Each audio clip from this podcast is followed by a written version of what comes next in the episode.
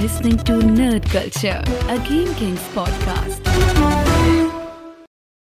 Bam, we zijn live. Daar zijn we weer. We zijn live en dit is een nieuwe podcast, een nieuwe Nerd Culture. Met deze keer, jawel, Koen en Paul Deetman van Keoken Interactive, makers van Deliver Us the Moon. Ik denk een van de grootste Nederlandse gamesproducties sinds ehm, eh, Horizon Zero Dawn.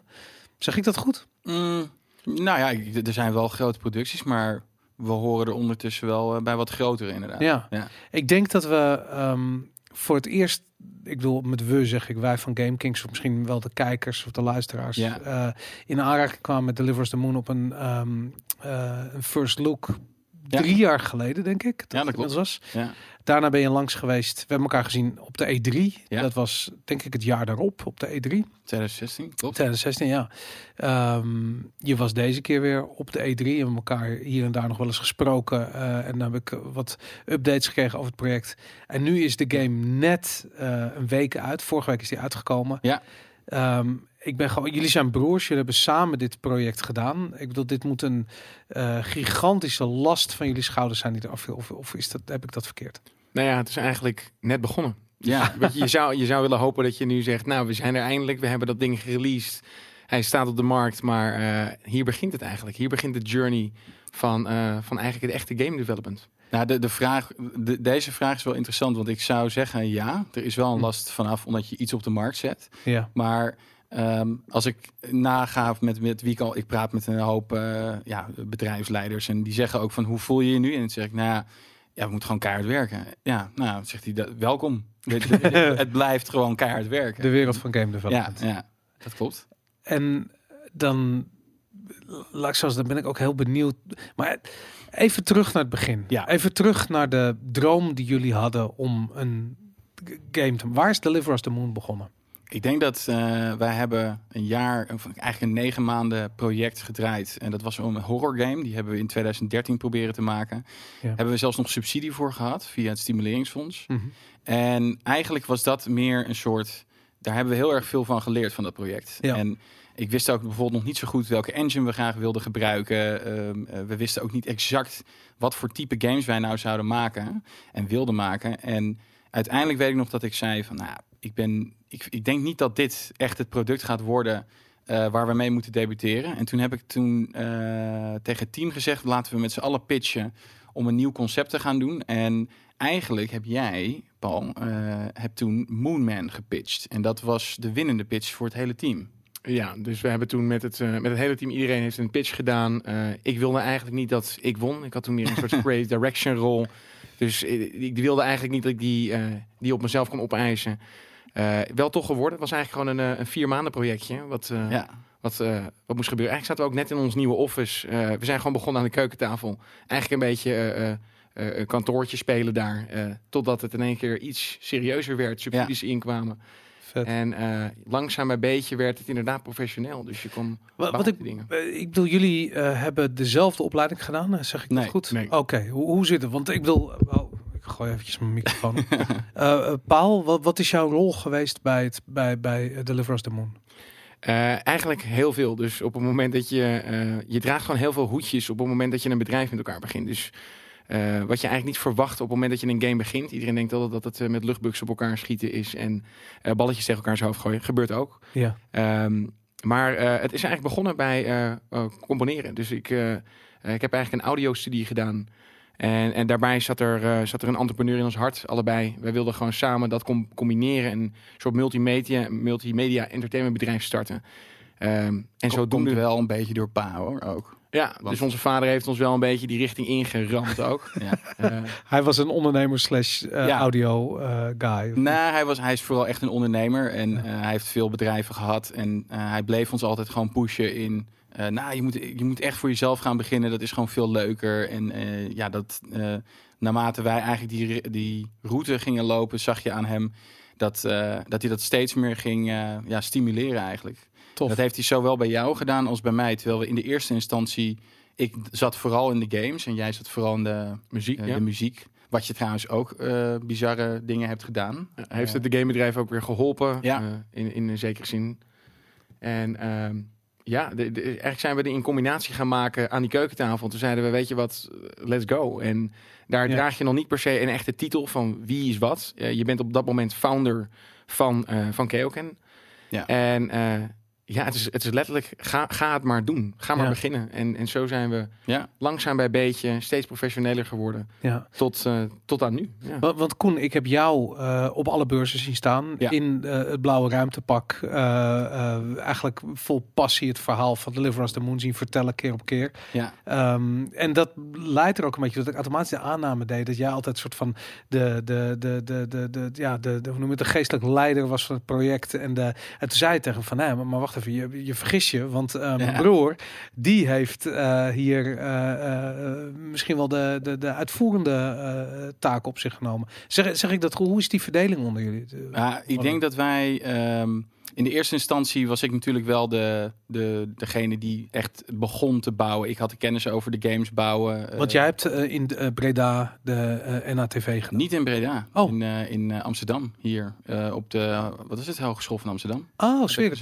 Je, Ja. bent, ja, ja, ja, wat grappig. En toen, eigenlijk ben ik het gewoon gestart en heb ik, vond ik het wel interessant dat Paul heel veel met muziek deed. En ik dacht, nou ja, dat past sowieso wel ja, binnen, binnen games natuurlijk, want je kan gewoon audio produceren voor het spel. Ja. Eh, wat je uiteindelijk niet hebt gedaan, Paul trouwens, maar eh, wel bijvoorbeeld... tijd. Nee, Daar is geen tijd meer voor. Maar- het- Bizar wat, wat Paul bijvoorbeeld wel echt zelf gedaan heeft, waar je kan zien, eh, is bijvoorbeeld, eh, je hebt voor verschillende Hollywood projecten, zeg maar, denk aan Creed, die jullie trouwens behandeld hebben op GameKings, zag ik. Uh-huh. Eh, daar heb jij de trailer stukken voor gemaakt, zeg maar, qua audio. Eh, de nieuwe Daredevil, zeg maar, die op Netflix kwam. En toen zag ik dat die kwaliteit, zeg maar, aan trailers, dat wilde ik eigenlijk ook voor games hebben natuurlijk. En eh, ja, wij zijn natuurlijk niet eh, Bethesda of, eh, of een Ubisoft.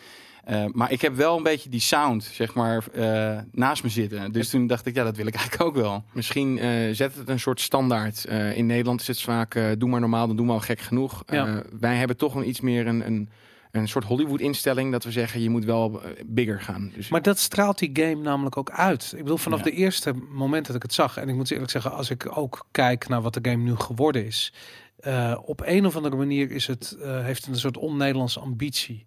Dus ik bedoel, Nederlands kunnen Ja. ontzettend creatief zijn en heel Ja, erg goed zijn, fantastische dingen maken. Maar je ziet zelden die van de, de soort van bombastische Hollywood. Eh, ja, ik weet niet of het verhaal of, of productie, of ik weet niet eens wat het is, maar jullie hebben die saus er in ieder geval heel dik overheen gegooid. En dat, waar, waar komt dat, waar komt dat vandaan? Ehm, ja, ik denk dat, ehm, dat wij een. eh we hebben een soort doelen, denk ik, die wij stellen voor onszelf. En die zijn vaak eh, super ambitieus en onbereikbaar. En ehm, ergens weet ik nog dat iemand tegen me zei, eh, ik weet niet meer wat het was, maar ik zei: Ik wil gewoon. Ik vond het raar dat Nederland één AAA-developer had. Wat ik overigens heel vet vind. Want, eh, Vet dat er überhaupt één ja, ik bedoel, eh, ja, precies. En ik dacht zo van, ja, waarom probeert niemand een beetje daar in de buurt te komen? En dat hoeft, natuurlijk kan je dat nooit in één keer bereiken, dat wist ik zelf ook wel. Maar ik dacht, kan ik niet in de buurt komen? Of in welke manier dan ook? En dat heb ik eigenlijk altijd boven me gehouden. Van, eh, en, en ik kreeg echt te horen van je bent knettergek. Dat gaat je nooit lukken. Je hebt de budgetten ook niet. En eigenlijk, ze hebben ook allemaal gelijk gehad. Mhm. Dat, dat, dat heb je niet. Je hebt ook de mankracht niet, de kennis niet, eh, de budgetten niet. Maar toch dacht ik, alsnog maakt het me niet uit. Ik ga het nog steeds proberen. En eh, dan zie je dat je over, nou ja, op dit moment hebben we denk ik vier jaar erover gedaan. En dan is dat het volledige project. Eh, ik denk dat de game die er vandaag de dag staat binnen twee jaar gebouwd is. Mhm. Eh, maar dan zie je dat je er toch lichtelijk komt. En zeker niet op elk vlak. Dat kan je ook zien bij CD Projekt, bij eh, bijvoorbeeld The Witcher 1. Dat was, daar zag je dat alle elementen nog niet helemaal in balans waren. Maar in The Witcher 2 was het alweer meer. En ja, de, de pinnacle van alles was natuurlijk The Witcher 3. Dat was zo'n goed bij elkaar gekomen product. Ja, en, en hoe, eh, ik bedoel, je werkt vier jaar aan een game. Ik, ik heb het gevoel, maar daar moeten we zo verder op ingaan, dat er inderdaad halverwege behoorlijk aan de handrem getrokken is en dat jullie een andere kant op zijn gegaan. Ehm, maar dan is het klaar, weet je. Na vier jaar is er een game uitgebracht. Wat, wat gebeurt er dan? Nou ja, het is, het is eh, eigenlijk een heel gek moment. Want eh, eh, wij staan eigenlijk beide nooit heel erg stil bij de successen die we behalen. Nee. Eh, hebben we nu ook eh, eigenlijk weer een beetje vergeten. Eh, we, we waren live op, eh, op Twitch op dat moment. Mhm. Eh, ergens midden op de dag kwamen we erachter dat we elkaar niet eens gefeliciteerd hadden ja, ja. van de release. eh. en dat heeft denk ik te maken met de, eh, de druk die we onszelf hebben opgelegd eh, om deze echt op de markt te krijgen. Ja. Eh, zeker in het begin van dit jaar was het ook echt het doel van eh, het belangrijkste is dat deze op de markt komt voor iedereen die aan het product gewerkt heeft. Ja. En eh, dat is gelukt. Dat is, eh, we hebben hem daar gekregen en dat heeft dat is niet zonder slag of stoot gegaan natuurlijk. Nee, nee. Wat, wat, wat waren de grootste de momenten dat je met je, laat ik zo zeggen, met je handen of met je hoofd in je handen zat en dacht van fuck, wat ben ik aan begonnen? Wat is dit? Ja, de, daar heb ik het denk ik echt wel een stuk of 15 keer eh, Oh ja, door de hele heb ik dat gedacht hoor. En eh, dat je eigenlijk denkt van waar, waar de hel ben ik aan begonnen, jongen. Dit, En wat is dat? Ik wil, kun je dat voor mensen die niet weten hoe het is om een game te maken? Hoe, Mm, Wat is dat voor traject? Waar gaat het over? Nou, omdat je, ik zou bijna nu zeggen dat vandaag de dag games bouwen is niet alleen maar een game bouwen. Je, je moet echt nadenken, los van dat je een bedrijf moet leren opzetten. Van, dat, is, dat staat helemaal los van games. Eh, en, en hoe dat in zijn werk gaat, heb je ook nog eens dat je, eh, weet je, de, de visibility van games tegenwoordig is zo moeilijk. Dus je weet al van, oké, ik moet ook aan een soort marketing denken. En je moet aan allerlei dingen denken om maar mensen te prikkelen of anders te zijn dat je opvalt. En als je op een gegeven moment zoveel schakels hebt draaien. Dus eh, op een gegeven moment hadden wij een Twitch stream die live was. We hadden, eh, ik geloof, nou, alle, alle social media gebruikten we bijna. Eh, we hadden en de game development die doorging. Dan heb je nog deals die je aan de ene kant maakt met eh, bijvoorbeeld een publisher. Dan heb je ook nog je privéleven waar sowieso weinig van over is. En op een gegeven moment dan zit je inderdaad in die, in die stoel en dan denk dan het is een beetje, zo- zoals ik het altijd noem, is een soort flash. Dus dat als jij een, een foto krijgt of een foto van je gemaakt wordt en je denkt, oeh, dat was een beetje een licht eh, flits, dan merk je dat het heel veel wordt. Dus dan eh, zit je echt te denken van, klopt het allemaal nog wat ik doe en, en, en waarom doe ik het? En als je dan terugkijkt naar wat je dan hebt, dus op een gegeven moment had ik dat toen we 21 maal groot waren in de full productietijd Jesus Christ. Toen keek ik en toen- zag ik naar die, keek ik naar die mensen en toen dacht ik, eh, weet je wel, wij, wij verzonnen dan wat of zeiden van dit zou, dit stukje van het level zou eigenlijk zo moeten. En dat dan de snelheid daarvan die je door zo'n productiehuis ziet gaan, dat was echt gewoon eng hoe mooi en snel dat gebeurde. Toen werd ik toch wel weer heel blij. Dus de, de, de lows en de highs zeg maar zijn eh, vooral extremer. Dus je, je moet die, die balans moet je een beetje leren opvangen, zeg maar. Hoe, dat, eh, hoe je tegen die hele zware tegenslagen kan, maar ook tegen hele hoge ups, zeg maar. En wat, wat, kijk, de ups, dat snap ik. Dat Ja. je, ik bedoel, ook het product aan zich. Wat zijn de tegenslagen? Wat voor soort dingen kom je tegen bij het maken van een game waarvan je zoiets hebt van, nou, fuck it, kap er nu mee en ik ga naar huis. Nou, ik denk dat de, de perceptie van eh, een indie developer eh, nog wel een beetje eh, een ongedefinieerd goed is.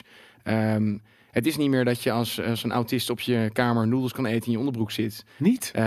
Nou, het, het begint er wel. Dus Wat is er gebeurd? het, begint letterlijk in de, aan de keukentafel. En, en toen hadden we net wat meer aan dan een onderbroek. Dus Ja. ehm, ik denk dat het ook een bepaalde perceptie is wat het is en, en hoeveel het kost eh, om zoiets te maken. Dus tegenslagen zitten niet per se alleen in het proces. Natuurlijk leer je ontzettend veel van eh, eh, hoe je een bedrijf opzet. Mhm. Dat is één heel grote factor van een gamebedrijf die ook een beetje over het hoofd wordt gezien. Eh, en misschien wel de grootste is je persoonlijke leven. Dus wat je op het spel zet, wat kost het nou om een product op deze, op deze schaal neer te zetten? En wat kost het dan? Wat is het antwoord op die vraag? Ehm, eh, eigenlijk alles. Ja, je relatie, Je relatie, je- vrienden, allemaal verloren. Ja. Jesus Christ. Dus het, eh, het kost een hoop. Maar misschien, misschien is dat, kijk, want dat klinkt natuurlijk heel erg eh, Depressief. zuur en, en depressief. maar dat, dat, het, het gekke is, zeg maar, dat heb ik me wel eerder gerealiseerd, is dat als je gewoon een succes wil proberen te boeken of je wilt iets bereiken en het is gewoon een beetje gek of uit deze, uit deze wereld, dat je denkt, nou, eh, dan moet je gewoon een klein beetje obsessief worden met wat je doet. En Mhm. Eh, dat, daar moet je eigenlijk mensen naast hebben staan die dat goed aankunnen. Dus Ja. eh, als, je, als die er niet achter staan, ja, dan langzamerhand verlies je ze in dat opzicht. Eh, dus dat zijn wel echt tegenslagen waar je mee dealt, maar dat is vooral op een persoonlijk niveau. Mhm.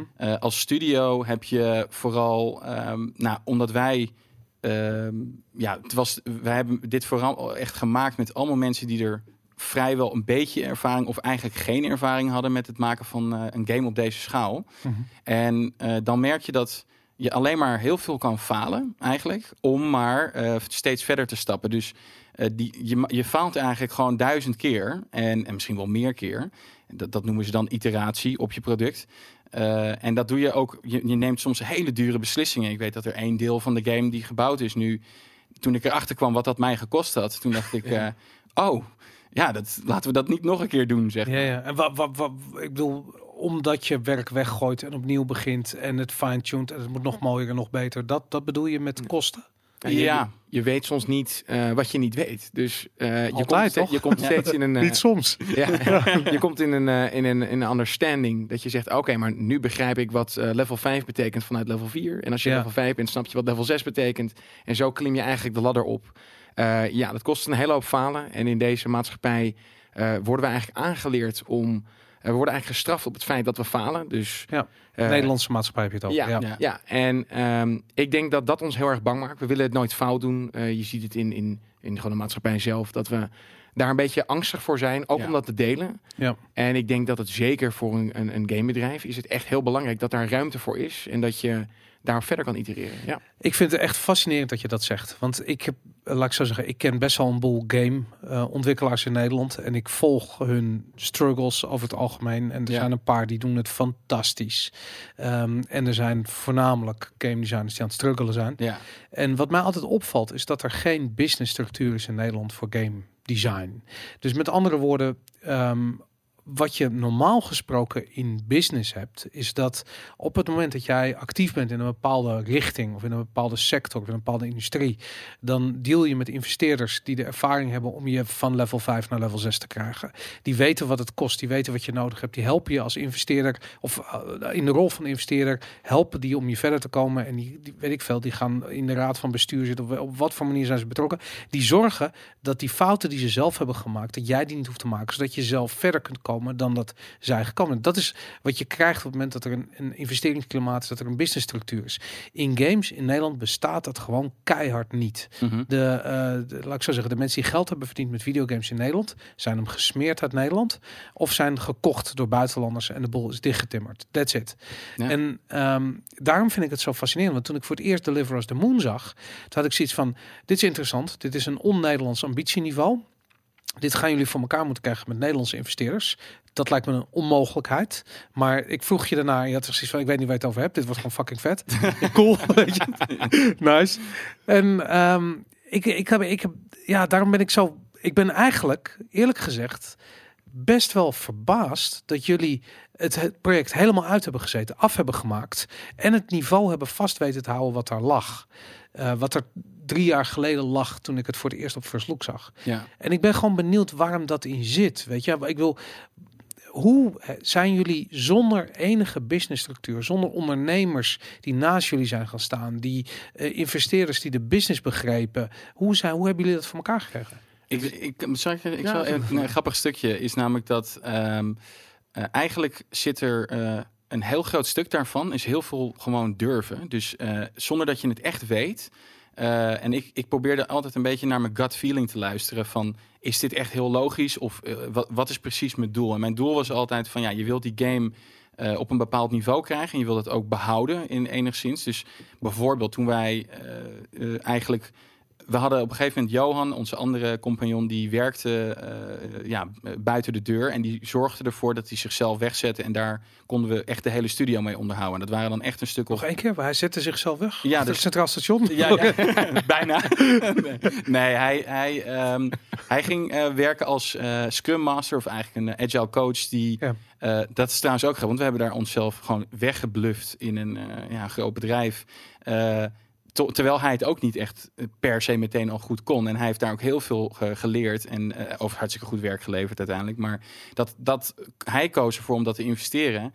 En ik merkte dus al van ja, daar kan je nooit mee eh, uitbreiden. Dus Mhm. met een eh, Kickstarter wist ik ook al van dat is niet geld wat we gebruiken voor puur ontwikkeling, zeg maar. Het, het is enkel weer een stepping stone naar een stukje verder. En ik wist gewoon, als ik dit, als deze ambitie echt moet halen en, en, en wil inleveren bij uiteindelijk de consument, dan moet ik gewoon mensen erbij trekken die echt dit vaker hebben gedaan. Ja. Dus ook de publisher die we uiteindelijk hebben gekozen, eh, daar, dat was ook echt in alle gesprekken die we met publishers hebben gevoerd, wilde ik puur weten of zij. Eh, want weet je, geld is één ding, daar kan je mee geholpen worden. Daar kan je, maar dan moet je ook nog eens weten welke keuzes je maakt. Mhm. met, als je een half miljoen krijgt, hoe, hoe verdeel je dat? Ja. En ehm, toen, eh, eh, ja, ik, ergens Paul, weet ik het eigenlijk niet, heeft pa ons, misschien komt het een beetje door onze vader, omdat we hebben hem zien struggelen met zijn bedrijven. Mhm. En ik denk dat wij daar al een heel stapje van hebben meegekregen van ja, hoe Het dat struggelen hebben jullie Ja, met de ja. paplepel ingegoten gekregen. Ja, heel belangrijk. Ja. Maar inderdaad, de business, misschien zit het een beetje in ons en we durven heel veel. Dus we gaan ook gewoon, eh, of we stappen wel echt op iemand af als we het gewoon willen weten. Eh, daarom stonden we ook op de E3. Eh, Ja. En misschien En- is het belangrijk op het moment dat je heel goed weet wat je wil met je bedrijf, waar je naartoe wilt, dus Ja. waar gaat het schip nou naartoe, Ja. eh, dan kan je daarop itereren. Dus als je zegt als bedrijf, ehm, we hebben alle mensen in huis, maar we hebben bijvoorbeeld het budget niet, Ja. dan weet je dat daar is nog iets wat er ontbreekt. Dus daar ga je dan naar op zoek. Op het moment dat je zegt, ja, maar we hebben budget wel, maar we hebben de marketing power niet, Ja. dan ga je dus daar naar op zoek. ja. Ik denk dat wij zo heel erg Op het moment dat je en geen budget hebt en geen marketing power en je development geloopt achter. Ja, dat- en dat is wat ondernemen is. dat is je wil- werk aan de winkel. Dat Daarom, ja. En, eh, en wij hebben het inderdaad stuk voor stuk gedaan. Dus van een, eh, van een succesvolle Kickstarter-campagne tot eh, uiteindelijk de hele wereld rond. Van GDC, eh, E3, eh, PAX East, eh, Gamescom. Nou, Even terug naar die Kickstarter. Wat Ja. hebben jullie, wa- wanneer heeft die Kickstarter gedraaid? Was 2000 2016. 2016. En wat hebben jullie toen eh, opgehaald qua funding vanuit Kickstarter? Eh, rond de 100.000 euro. 100 en eh, eh, eh, dat betekent op dat ogenblik zijn jullie community management gaan doen, want die Ja. mensen willen tevreden gehouden worden natuurlijk. dat klopt. En ehm, wat, wat, wat, wat hebben jullie gedaan met die 100.000 euro? Wat is daarmee? hoe, wat, wat betekende dat voor Keoken? Ik denk dat eh, ten eerste de community die we toen kregen was heel erg eh, Duits georiënteerd. Omdat we door een grote, nou eigenlijk de grootste YouTuber destijds eh, van Duitsland werden gefeatured. En die omarmde het product zo erg dat hij het niet echt alleen gewoon speelde, maar hij vond het gewoon zo vet dat hij eigenlijk daar iets meer mee wilde. En ik denk een beetje door de, onze reactie, want wij zijn meteen ook live gegaan en we wilden namelijk zien wat, eh, of eigenlijk we wilden de, de, de, ja, zijn, zijn community laten zien wat onze reactie nou is als zij ons zo sterk helpen. En dat heeft een soort van kettingreactie gegeven op dat heel veel van de community is overgedruppeld naar ons. En die vonden ons gewoon een, eh, ja, een leuke developer om te zien. En eh, ja, het, het was letterlijk heel transparant. Dit is wat wij, wat onze reactie hierop is. Dat we helemaal gek werden van wauw, dat jullie. Ik denk dat hij bijna de helft van de Kickstarter wel heeft weten te vullen, zeg maar, met zijn community. Ja, En bizar. daarmee, wat we toen hebben gedaan, is eigenlijk, we wisten dat het eh, bijvoorbeeld één ding wat heel erg achterliep bij ons was de hardware. Ja. Dus met het Kickstarter geld zijn we vooral echt gaan investeren in goede spullen om, eh, nou, om de game gewoon goed te kunnen draaien. Om, om ja, eh, niet te lang te hoeven wachten als we een light bake deden voor alle levels bijvoorbeeld. Maar eh, daarnaast een klein beetje in, in mensen, omdat we ook een beetje mensen moesten gaan aannemen. En voor de rest ook heel veel PR en, en reizen eh, om het product eigenlijk bekender te maken. En om te zoeken naar een partner eh, die misschien overal in de wereld zit, eh, om die te ontmoeten. Wanneer realiseerde je dat die partner niet in, uit Nederland ging komen? Eigenlijk meteen vanaf het begin. Ja? Ja. En, en want ik vind namelijk eh, op het moment dat je een, een, een, eh, een gameproject aan het bouwen bent, hè, en dat je Ja. dus altijd te weinig mankracht hebt en dat overal alles tekort komt en vooral geld, dat je dan Ja. besluit om in een vliegtuig te gaan zitten en de wereld rond te vliegen, naar al die beurzen te gaan, wat uiteindelijk een fantastisch idee is, lijkt me op dat ogenblik een moeilijke beslissing. Het is Ja. misschien eh, is, is wel moeilijk, ehm, maar je kiest er natuurlijk wel voor om te zeggen waar wil je dat proje- project heen tillen. Eh we hadden al wat ervaringen met, eh, met jongens van Microsoft en Unreal. Ja, En daar merkten we al een bepaalde, ehm, ja, een bepaalde atmosfeer die daar hangt. Een bepaalde mindset die blijkbaar heel erg aantrekkelijk voor ons was. Ehm, wij wisten dat dit nodig was. En we zijn inderdaad daardoor, ook omdat we moesten promoten. En dat vergeten ook heel veel indies. Die, eh, die denken, je maakt eerst een product af en dan ga je beginnen promoten. Dan ben je veel te laat. Ja. Dus je moet echt zorgen dat je zo snel mogelijk in die markt ligt. Nou, dat, dat hebben we mooi meegenomen. En daarbij konden we onszelf bekendmaken binnen de industrie. En inderdaad met, met jongens als Microsoft en Unreal gaan zitten. Ehm, en eh, meer publishers. Dus uiteindelijk zorg je dat je met eigenlijk een eh, uit de hand gelopen prototype eh, mensen naar binnen trekt. Ja. ja geniaal. Want, en, wa- want waar haalde je de mensen vandaan? Eh, nou, we hadden, gek genoeg heeft Nederland dus wel een hele hoop eh, studenten en, en eh, ja, eigenlijk eh, game professionals die best wel wat kunnen. Dus Mhm. bijvoorbeeld op het stagiaire vlak in het begin vooral hadden we wel echt het voor het uitkiezen als het ware.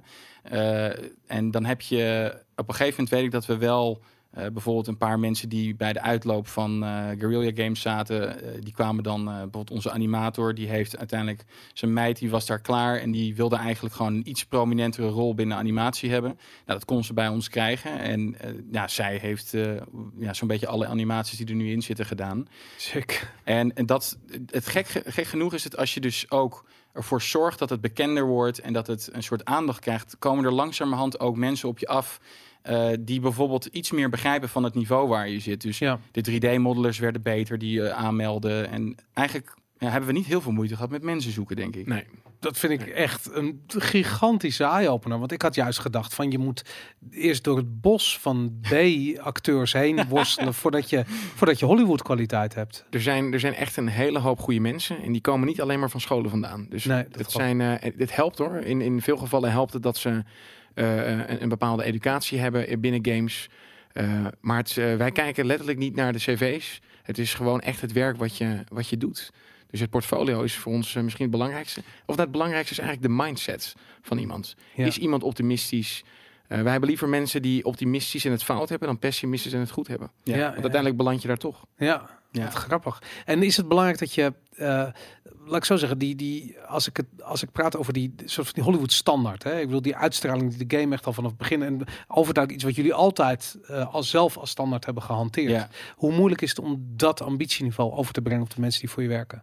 Ehm, ja, dat is een goede vraag. Ik, ik denk dat eh, we zowel goede resultaten boekten daar in het bedrijf en slechte. Dus je zag dat sommigen het, nou ja, ik kan, ik kan bijvoorbeeld een paar voorbeelden, onze level designers die we hebben, er, dat, dat werd echt aan hem gevraagd in een interview die we zelf hadden gegeven van hoe weet je wat Koen en Paul of wat die willen. En eh, gek genoeg kunnen wij bijna zonder elkaar iets te zeggen, hebben zij meteen door welke kwaliteit we eigenlijk zoeken. Ja. Op Misschien, op- misschien wel ja. leuk om te zeggen, dat zijn, eh, eh, dat zijn ook twee broers. Ja, Oh ja? En, en ergens hebben die heel goed begrepen, eh, zijn jonger. En die hebben heel goed begrepen wat eigenlijk dat cool gevoel is. Het Ja. Hollywood gevoel waar je echt van je sokken wordt geblazen. Ja. En dat hebben we eigenlijk in een heel kort stadium. Ze zijn zelf wel heel rustig. Ja, ja. Maar ze hebben heel goed begrepen wat dat is. En ja, we hebben stagiaires gehad die iets minder goed bij ons passen. We hebben stagiaires gehad die echt in de schot in de roos waren. Ja. En ik denk ook dat dat een begin is van ehm, toen we nog een horrorspel aan het maken waren. Dat we daar ook beter in werden. Dat we zeggen, oké, dit zijn types die beter passen. Dit zijn types die iets minder goed passen binnen, binnen de mindset die wij eh, en de visie die wij graag willen uitstralen. ja, super cool. En misschien ook goed om te zeggen is dat teamleden onderling, eh, omdat we op een gegeven moment, eh, nou, waar, waar de grootste clashes wel in hebben gezeten, zou zijn eh, verhaal versus game design. Want dat is Mm. eigenlijk altijd eh, een, een, nou ja, een issue. Eén heeft de leiding, zeg maar. En in ons geval stond de narrative bovenop. ja. En eh, dan moet je dus ervoor zorgen dat het zich ook vertaalt in een soort gameplay. Maar het moet ook wel weer genoeg ruimte geven dat er verhaal wordt verteld en niet alleen maar te veel speels eh, dingetjes inkomen. En daar was vaak wel, daar zie je dat het tegen elkaar opleefde. Eh of ze nou heel goed waren of niet, ergens trokken ze elkaar wel daarmee omhoog. Ja, geniaal. Hey, en eh, eh, jullie op een gegeven moment kwam er een persbericht naar buiten. Eh, sterker nog, eigenlijk het ging als volgt. Ehm, ik ontmoette eh, jou, Koen, op een beurs, denk ik. En toen zei je tegen me, eh, misschien was het eigenlijk wel Het de was, E3. fir- het was First Look, denk ik. Was dat First Look? Ja. ik denk dat het de E3 was. Toen zei je van, ik ben bezig met een hele grote uitgever, maar ik mag nog niet zeggen wat First het is. Ja, dat was First Look, Ja. oké. Goed, en dat bleek uiteindelijk Starbreeze te zijn. Ja. En Starbreeze was toen net eh, van een ja, medium bekende developer. eh, ja, een soort van door al dat geld wat er in Scandinavië rond tegen de Ja. plinten opklotst in de gamesindustrie, eh, een uitgever geworden. Ja. Ehm, en dat was dus de partij waar jullie mee aan het praten waren. En uiteindelijk de partij die, waar jullie een deal mee hebben gesloten. Ehm, hoe belangrijk is het op dat ogenblik om zo'n partij aan boord te hebben of daar onderdeel van uit te maken? Ehm, ik denk dat wij op het moment, kijk, natuurlijk is er, als je, als je wil opschalen in je bedrijf, heb je geld nodig. Ehm, in principe was dat niet meteen het directe doel. Alleen wij hadden wel het gevoel dat er kennis nodig was. Eh, eigenlijk precies wat je zei, de ervaring die jij niet hebt kunnen opdoen in al die jaren.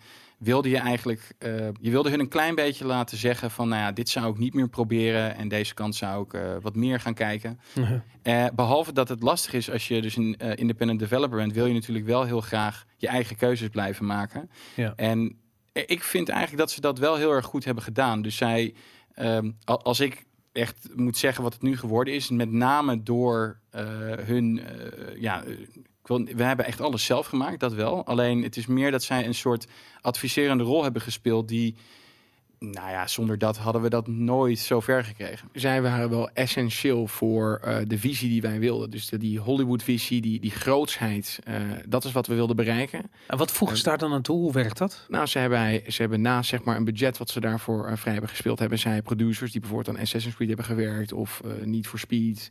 Ehm, eh, die hebben ze erop gegooid. En eh, dat heeft ontzettend erg geholpen. Eh, Die komen gewoon bij jullie binnen, ja, dus die ze- gaan daar zitten en die zeggen van, eh Ja. jongens, nu gaan we even serieus aan de bak. Of niet? Ja. Dat, hoe, hoe werkt dat? Wat moet ik daarbij voorstellen? Wat? Nou, het is misschien wel goed om te zeggen dat die, eh, op een gegeven moment hadden we er wel echt een aantal in de studio. En Ja. eh, die, eh, die waren er dan in ieder geval, die waren niet altijd, maar eh, dan kwamen ze eigenlijk een beetje, ja, ik zou zeggen, ze probeerden ons een beetje te sturen in wat we wilden. Dus ze luisterden heel goed naar waar wij nou dat spel heen wilden tillen. En dan gebruikten ze daarbij de ervaring van hunzelf. Van oké, als je dat dan wil, zorg ervoor dat je de focus hier legt. Of bijvoorbeeld, eh, oh, jullie hebben deze mechanics allemaal in jullie game zitten. Wacht even. Jullie moeten zorgen dat je die goed onboord bij de speler. Dus als ze, anders caren ze er later niet om of ze begrijpen het niet eens. En heel veel van de keuzes die nu gemaakt zijn in ons spel, eh, hoe dat er nu bij staat, is voornamelijk dat we dat leertraject heel erg gehad hebben. Dus ook de indirecte dingen die je niet binnenkrijgt, of die je wel binnenkrijgt, maar die heb je niet eens door dat je ze weet, omdat wij dat goed onboorden in het begin. Ehm, dat komt wel echt uit dat, dat soort lessen. Maar geef eens een voorbeeld daarvan. Kun je, Eh, bijvoorbeeld, e- eentje was wel leuk. Ik geloof dat Emiel het allemaal niet zo heel leuk vond. Maar die. De ladder. eh, eh, ja, nee. nou ja, dat is, er, dat dat is is er op zich eentje. Maar bijvoorbeeld, hij, hij slaat meteen met zijn gezicht tegen een, tegen een grote dish aan in het begin. Ja. En. Eh, de reden dat hij er zo prominent bij staat, is omdat we juist niet willen dat de speler hem mist. En we hebben nou, vanuit de, de, de 20.000 tests die we wel gedraaid hebben, elke keer misten ze steeds die dish. En we wilden niet per se dat je hem hoeft te scannen, maar dat je weet, oh, er is iets in deze wereld wat je kan doen. En dat was ook een van de redenen dat hij echt daar moest staan. En we hebben er wel honderd plekken voor gehad, maar... eh, en dat, dat, dat doen we ook met de flashlight. Op een gegeven moment zegt iemand, ja, en die flashlight, dat is zo stom, zeg maar. Ja, maar je weet wel dat hij er is nu. En, en dat zijn allemaal van die dingen die we... Ja, en de ladder, laten we het over de ladder hebben. De ladder. Ja, hij is genoemd nu de ladder. de en voor, de, voor de mensen die dit luisteren en die het eh, eh, misschien niet kennen, er is een scène. eh, je, je bent natuurlijk de, de, de hoofdpersonage is op een gegeven moment op zoek, die gaat naar de maan. Ehm, ik zal even kort de setting uitleggen. Flauw dat ik het doe, misschien. Ik doe het is jullie game, maar Nee, doe het. maar ehm, eh, om het kort te houden, de, de, de aarde is in een energiecrisis terechtgestort. Omdat de bron van alle energie, wat de maan is, daar is iets misgegaan. Geen contact meer met de baas op de maan. En jij bent eruit verkoren om naar de maan te reizen en uit te zoeken wat er aan de hand is. Nou goed, op een gegeven moment ben je dus onderweg naar je ruimteschip. En eh, je weet, je moet een soort plateautje opklimmen. En je pakt de ladder vast. En wat gebeurt? Dat ladder breekt in drie stukjes. en je weet gewoon van, oh mijn god, ik moet een ladder gaan zoeken nu. Ja. Hoe, hoe is de ladder tot stand gekomen? En Emiel vond dit, vond dit eh, echt veel te kort door de bocht en te simpel als uitdaging. Ehm, De- eh, en ik had zoiets van ja, het is een onderdeel van een grote geheel. Maar hoe, hoe, hoe is dit tot stand gekomen? Het, het eerste level is, eh, en zeker eh, dat is het stukje op aarde, is letterlijk gemaakt om mensen bewust te maken van wat is er allemaal te doen. Eh, moet ik mijn omgeving, omgeving gebruiken om ergens doorheen te komen? Mm. Eh, eh, dus bijvoorbeeld je hebt het, het stukje flashlight wat je moet gebruiken en dan vind je een briefje waar een code staat. Ontzettend makkelijk. Ja, Het gaat er even om dat je begrijpt dat later in het spel je blijkbaar je omgeving kan gebruiken om een bepaalde doelen te bereiken. ja. Dus we boren eigenlijk de speler een beetje zeg maar op de boot van wat we nou precies proberen te doen met dit spel. Zo'n trap, ja, dat is, een, eh, eh, dat is er eentje die je moet pakken. eh, en dan moet je uiteindelijk omhoog. Nou, het is logisch op het moment dat er een trap afbreekt, dat je zegt, hoe kom ik daar naar boven? Want daar staat toch een velf die ik open moet draaien. ja. Daar moet je even iets voor doen. Nou, dan weet je dus dat je je omgeving kan gebruiken om tot die oplossing te komen. Hm. En het eerste level is eigenlijk zoals Mario een tutorial wil doen zonder dat er allemaal teksten staan en wat je allemaal moet doen. Dat het, dat het freeze wordt, dat je, dat je even moet stoppen en even moet lezen wat de tutorial is. Hm. Dat we dat eigenlijk op een hele rustige manier wilden dat brengen in Ja. het eerste level. Ja, ja, ja. En misschien, zijn. misschien voor verhaalwise is het zo. Kijk, ik snap wel een beetje de, de, wat, wat Emiel bedoelt ermee. Eh, maar het is ook wel weer zo. Je moet op een bepaalde manier een speler vertellen dat de wereld niet helemaal meer functioneert zoals je hem ziet. Dus als, als jij verlaten basissen gaat ontdekken.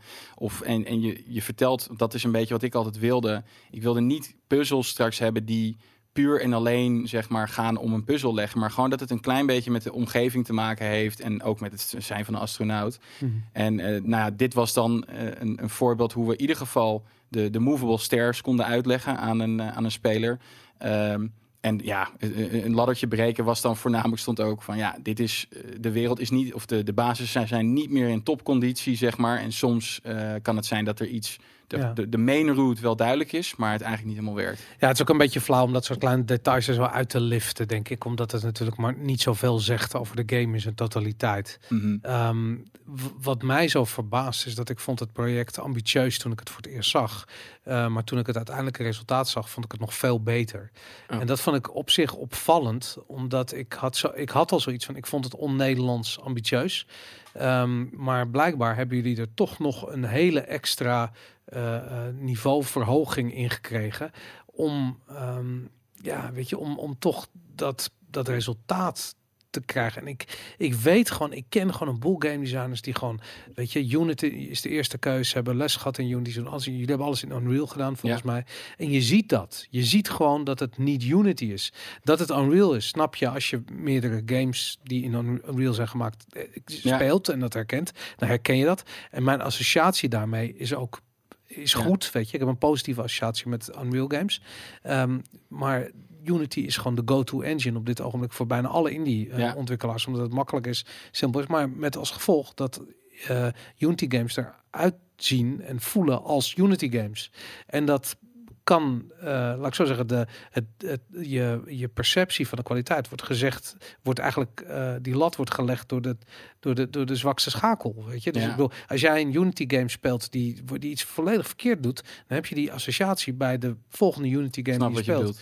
En, en bij Ik heb wel een mooie Unity game voor je. er zijn heel veel. Eh, Ori in the Blind Forest is oh ja, echt tuurlijk, wel heel ja, mooi. tuurlijk. maar er zijn hele goede. ik snap wat je bedoelt. Maar die voelt bijvoorbeeld al niet aan als een Unity game. nee, klopt. Dat, eh, eh, Ja. maar goed.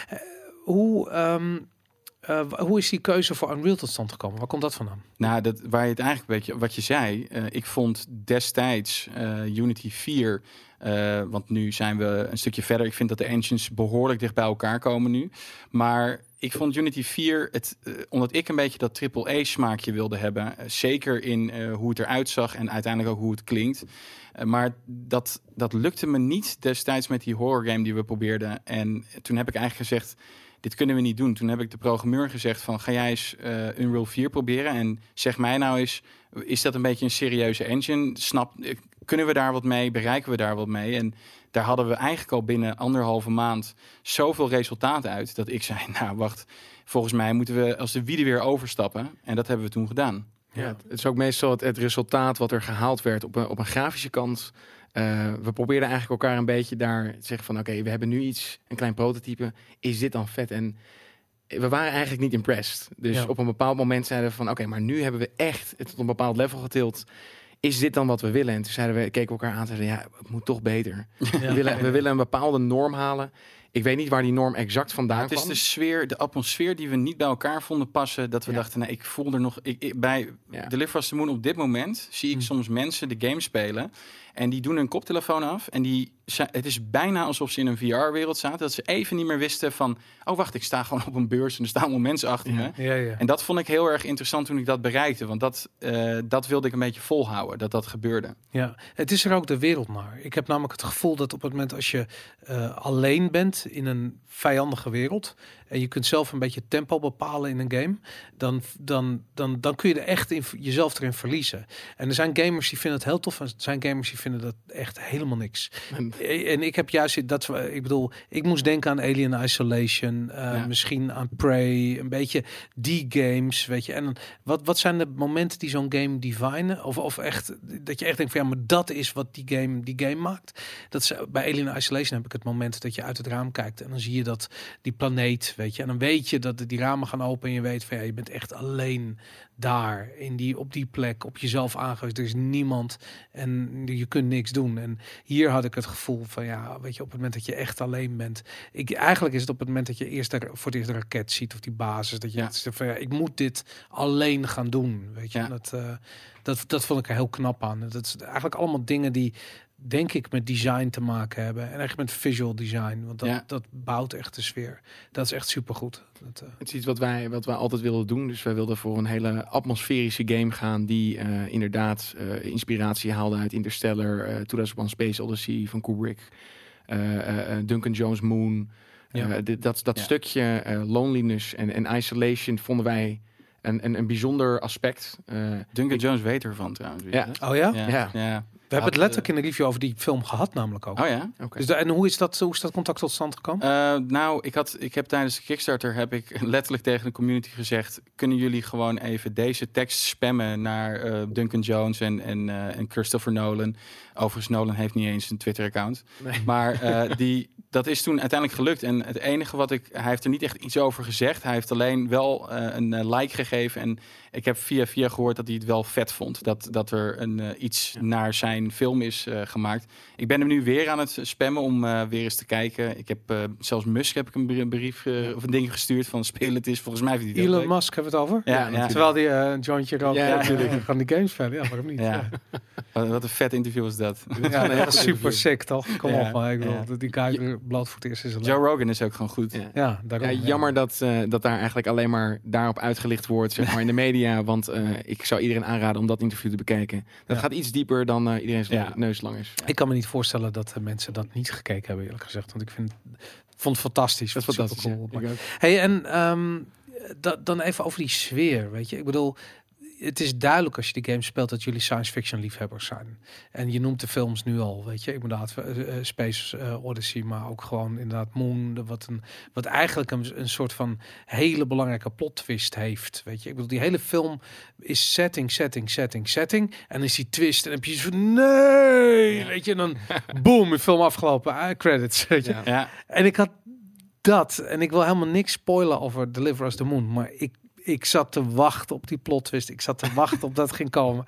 En ik heb zoiets van, wanneer gaat dat dan gebeuren? Wat gebeurt daar? Wat is er gebeurd in dat proces? ja. Dus laat ik zo zeggen, om, om het, ik vind het moeilijk om daarover te praten zonder dingen te spoilen. Maar ik vind dat de game zeer abrupt eindigt. En alles aan het einde zegt, we zijn nog niet klaar. We hebben inderdaad een, eh, een open einde, om het inderdaad niet te, te spoilen te veel. Hm. Eh, we laten eh, het gevoel wat wij altijd heel erg wilden bereiken is het gevoel van astronaut zijn. Ik denk dat we dat heel erg bereikt hebben. We laten inderdaad een, een flink wat vragen over voor de narrative. en, en daar, Dat is een understatement. Ja, dus er zijn, er zijn nog een hoop antwoorden die mensen graag willen. Eh, dat is ook waarom we hebben aangekondigd dat er nog een, eh, een DLC aankomt. Die, eh, Maar dat, Dit- ik, dat is duidelijk. Ik bedoel, Als je die game uit hebt gespeeld, heb je gewoon zoiets van, dude, dit is niet klaar. Hier moet nog een heel deel, er moet een verhaal afgemaakt worden. Wat de fuck is er gebeurd? Eh, dit- Misschien, misschien is het makkelijkst om te zeggen dat ehm, als, je, als je een product als dit bouwt, eh, op een gegeven moment hadden wij heel duidelijk voor ogen wat er afgemaakt eh, werd, zeg maar, over de tijd. Want je hebt allemaal fases waar je in terecht komt. En Mhm. ik kan je zeggen, toen wij performance gingen doen, en waar we al nog steeds vandaag de dag aan werken, eh, en het is nogal een beefy game, dat is, Ja. eh, dat is gewoon wat het is. Eh, dan zie je dat je op een gegeven moment keuzes moet maken waarin je nou, bijvoorbeeld complete levels dichtgooit. En daar za- zag ik duidelijk dat we, nou, dat is dan echt gewoon misschien al een half jaar of negen maanden van tevoren, dat je denkt, oké, nou, we moeten een keus maken. Wat is de game die we uiteindelijk afleveren? Nou, daar hebben we ontzettend veel testing naar gedaan. We hebben gezien ook de price point en de, en de tijd. Je kan hem sneller uitspelen, maar ik heb ook mensen gehad die er nu negen uur over doen. En eh, het grappige is, dat ligt heel erg aan de pacing die jij gewend bent. Eh, bijvoorbeeld een Fortnite-speler, die pakt er zo... Nou, die wil het niet eens spelen hoor, maar eh, die, die kan hem misschien wel in twee uur uitspelen. Ja. En de pacing die... Ik was zes uur bezig, Nou, dat, wat best wel lang is. En ik ben een hele Ja. trage gamer. nou, maar dat is ook wel goed, want ik zag dus ook dat de doelgroep veel eh, dichter op bijvoorbeeld 35 naar 50 zit, dan dat die zit van 25 naar 45. Dus we krijgen veel meer. nou, ik heb een paar reviews van een paar oude gasten gehad, die zijn gewoon nou, 52. Ja. Nou, jongen, de tranen van blijdschap gewoon. Zo Ja, blij zijn van- ze ermee. Ja. Die vinden het fantastisch. En als je een, eh, een jonger publiek hebt, en dat is natuurlijk ook een beetje de, de demographic die wij moeten hitten als studio. Ja. Eh, en we hebben natuurlijk ook flinke hagel lopen schieten. Op, want we willen zoveel mogelijk bereik natuurlijk hebben met het spel wat we maken. we blijven uiteindelijk toch kunstenaars die eh, willen dat iedereen naar het schilderij kijkt. Ja. Dat betekent niet dat iedereen het schilderij mooi vindt. Nou, ik, ik, eh, die vergelijking aan de ene kant die is wel sterk, aan de andere kant gaat hij niet op. En dat is namelijk dat eh, ehm, je hier, eh, ik bedoel, een game is veel meer een beleving dan een schilderij. Weet Ja. je? Je kunt je afvragen van wat, wat begrijp ik niet aan dit schilderij of wat mis ik bij deze game. Wat je niet meekrijgt of wat je mist, is gewoon keihard wat er zou moeten komen eh, na, de, Ja. na de aftiteling. En daar, daarbij had ik zoiets van ja, het is niet dat, volgens mij is het niet iets wat ik niet begrijp. Het is gewoon iets wat ik, laat ik zo, het voelde alsof jullie gewoon eh, een, een keiharde deadline hadden. En gewoon zoiets hadden van deze game moet er nu uit. Of je maakt een keuze en je zegt van, eh, eh, weet ik veel, je gooit je helft van je personeel eruit en je gaat nog een, een jaar door. Of je, eh, ehm, ja, weet ik veel, nog onmogelijke keuzes. Weet je? Of je, gaat, Ja. je levert je linkerhand in of whatever. Maar in, ergens hebben jullie gewoon gekozen van dit is de beste beslissing voor deze game. We stoppen hem hier en we vertellen de rest van het verhaal wel strakjes. Ja. Is, is, hoe, hoe- wat kun je daarover zeggen? Ik, ik denk dat daar een. eh, het klopt. Je- je, moet sowieso heel veel beslissingen maken en je maakt soms hele verkeerde. Eh, dat vind ik ook helemaal niet erg, want dat is juist waar we ook groot mee zijn geworden. Ook nu weer. Dus ik zie nu ook, wij hebben echt eh, met het team stonden we achter deze keuze. Dus Mhm. vooral dat ook het einde, hoe die nu eindigt, dat hebben we niet natuurlijk gedaan omdat we dachten dat dat. dat, dat we wisten gewoon dat dit eh, dat mensen dat natuurlijk lastig zouden vinden, maar we wisten ook er zijn heel veel series die zo eindigen. Dus zeiden we ja, wat willen we met ons eh, universe? En toen zei ik nou, ja, ik, het, alles aan het verhaal vind ik voelt groter en meer. Ja. Dus toen zei ik ook, want dat eigenlijk zei jij dat wel goed, Paul. Eh, het logo komt dan eigenlijk na het eerste level en misschien voor veel mensen begint het dan pas, maar dat hele stuk daarvoor, de ontwikkeling daarvan is al zo heftig eh, dat wij ook zeiden van ja.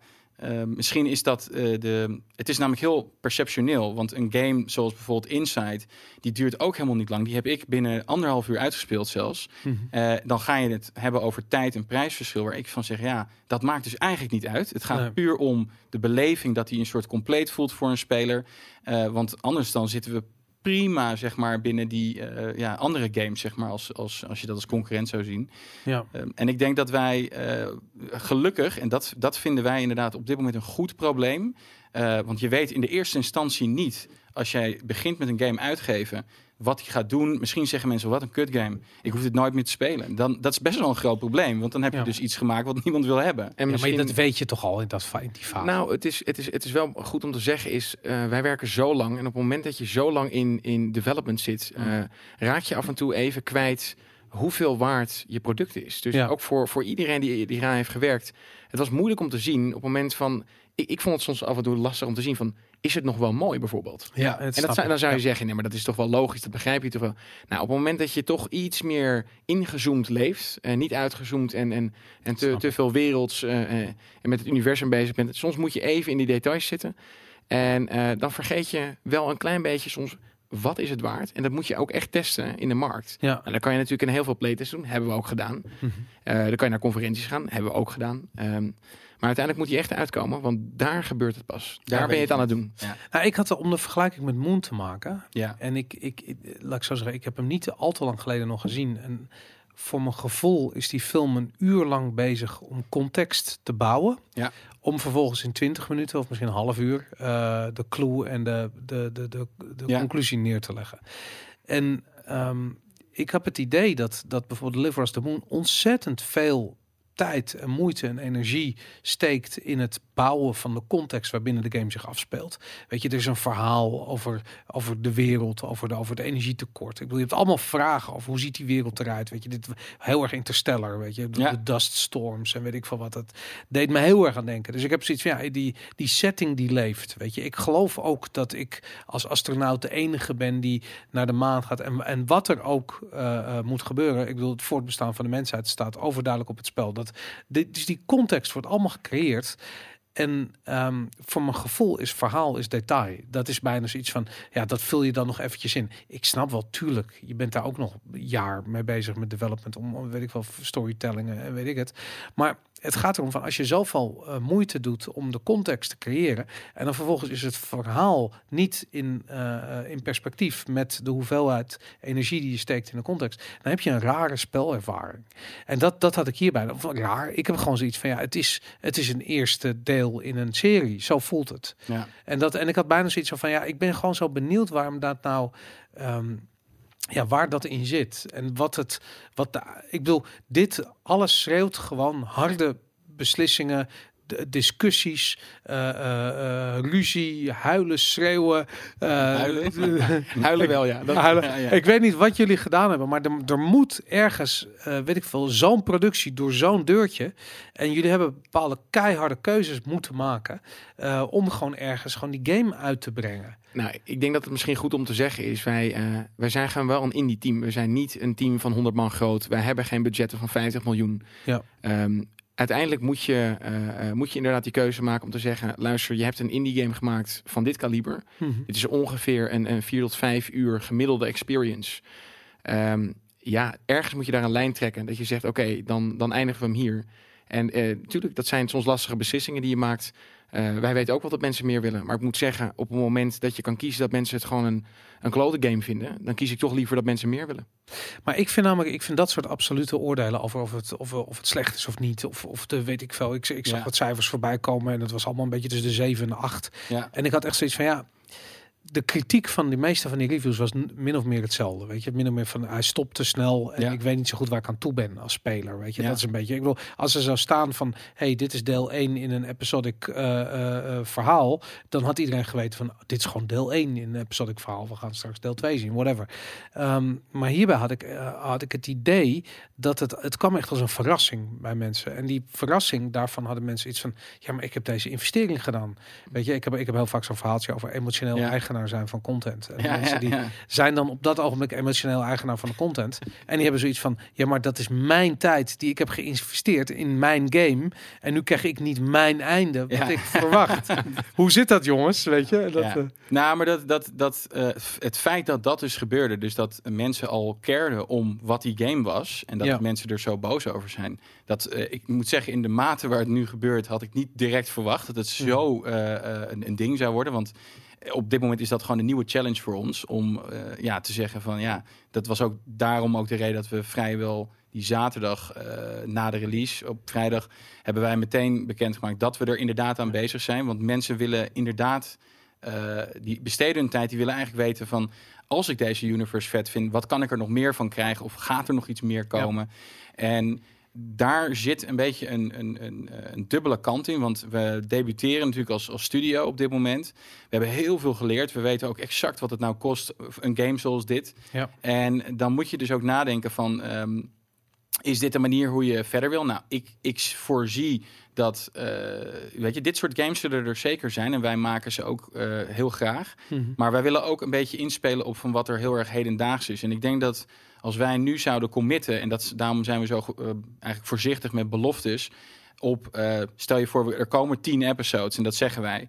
Dan weten we dat het misschien de komende drie, vier jaar wel eh, aan werk is. En ik weet niet zeker of de industrie daar dan nog steeds mee bezig is over vier jaar. Ik denk dat dit er iets anders uitziet. Want dat weet niemand toch? Kijk naar Telltale Games. Nee, nee, nou, Walking ja, Dead ja. is ook niet klaar. Nee, dat Maar het is, wat, het is het leven. Ja. Ik bedoel, kijk, ik, ik, ik, wat ik meer heb, is dat ik denk van dat het.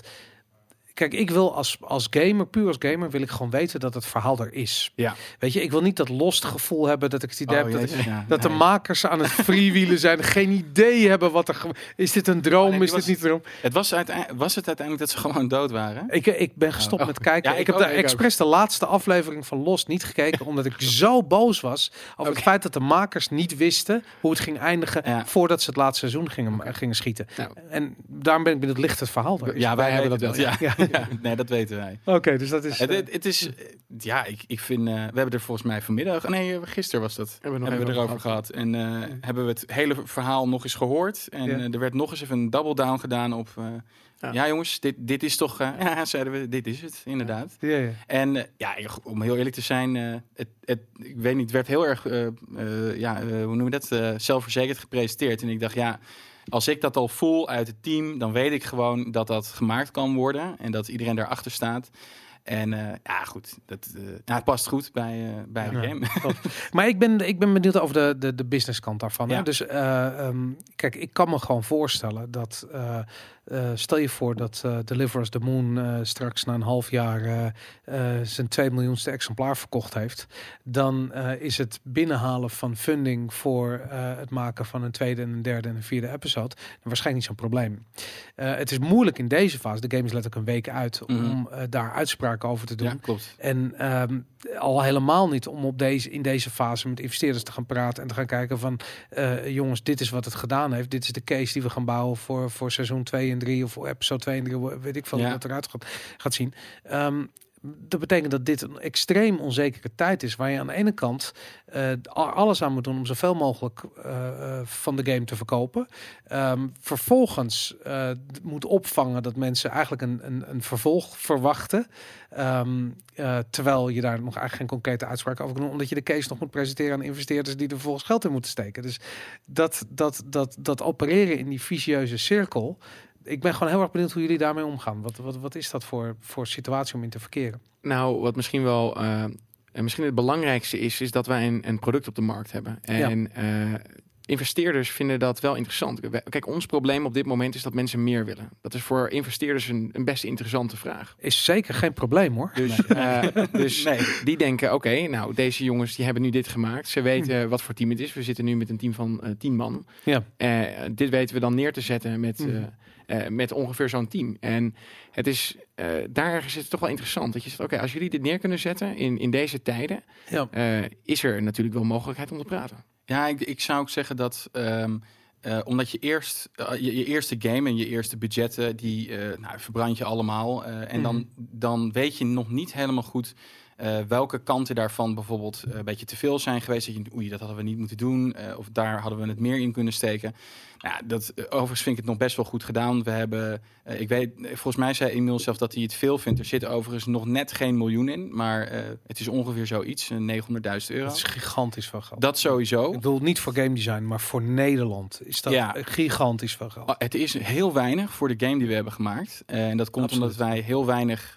nou, we, we betalen niet slecht, maar ik moet wel zeggen. Eh, we hebben echt bijvoorbeeld eh, de voice acting die erin zit. Die is gewoon eh, professioneel opgezet. Alleen als je daarvan de, de, de prijzen ziet ook. En, en wat het kost. Ik weet nog dat ik daarover moest tekenen. Van Ja. oh, jezus, gaat Dat dit, is een dit is lijf. wat, wat we Ja. moeten doen. En dat weten we nu beter. Dus als jij nu een case zou bouwen naar een investeerder. En dan ook een, een ehm, ik geloof dat een van de, eh, ja, ik sprak een andere CEO en die zei, weet jij wat je nu je doel is? Dan ik Mm. zeg, ja, ja. En hij zegt, weet je ook wat het doel daarna is en wat het doel daarna is van je studio? Ik zeg, ja, dat weet ik.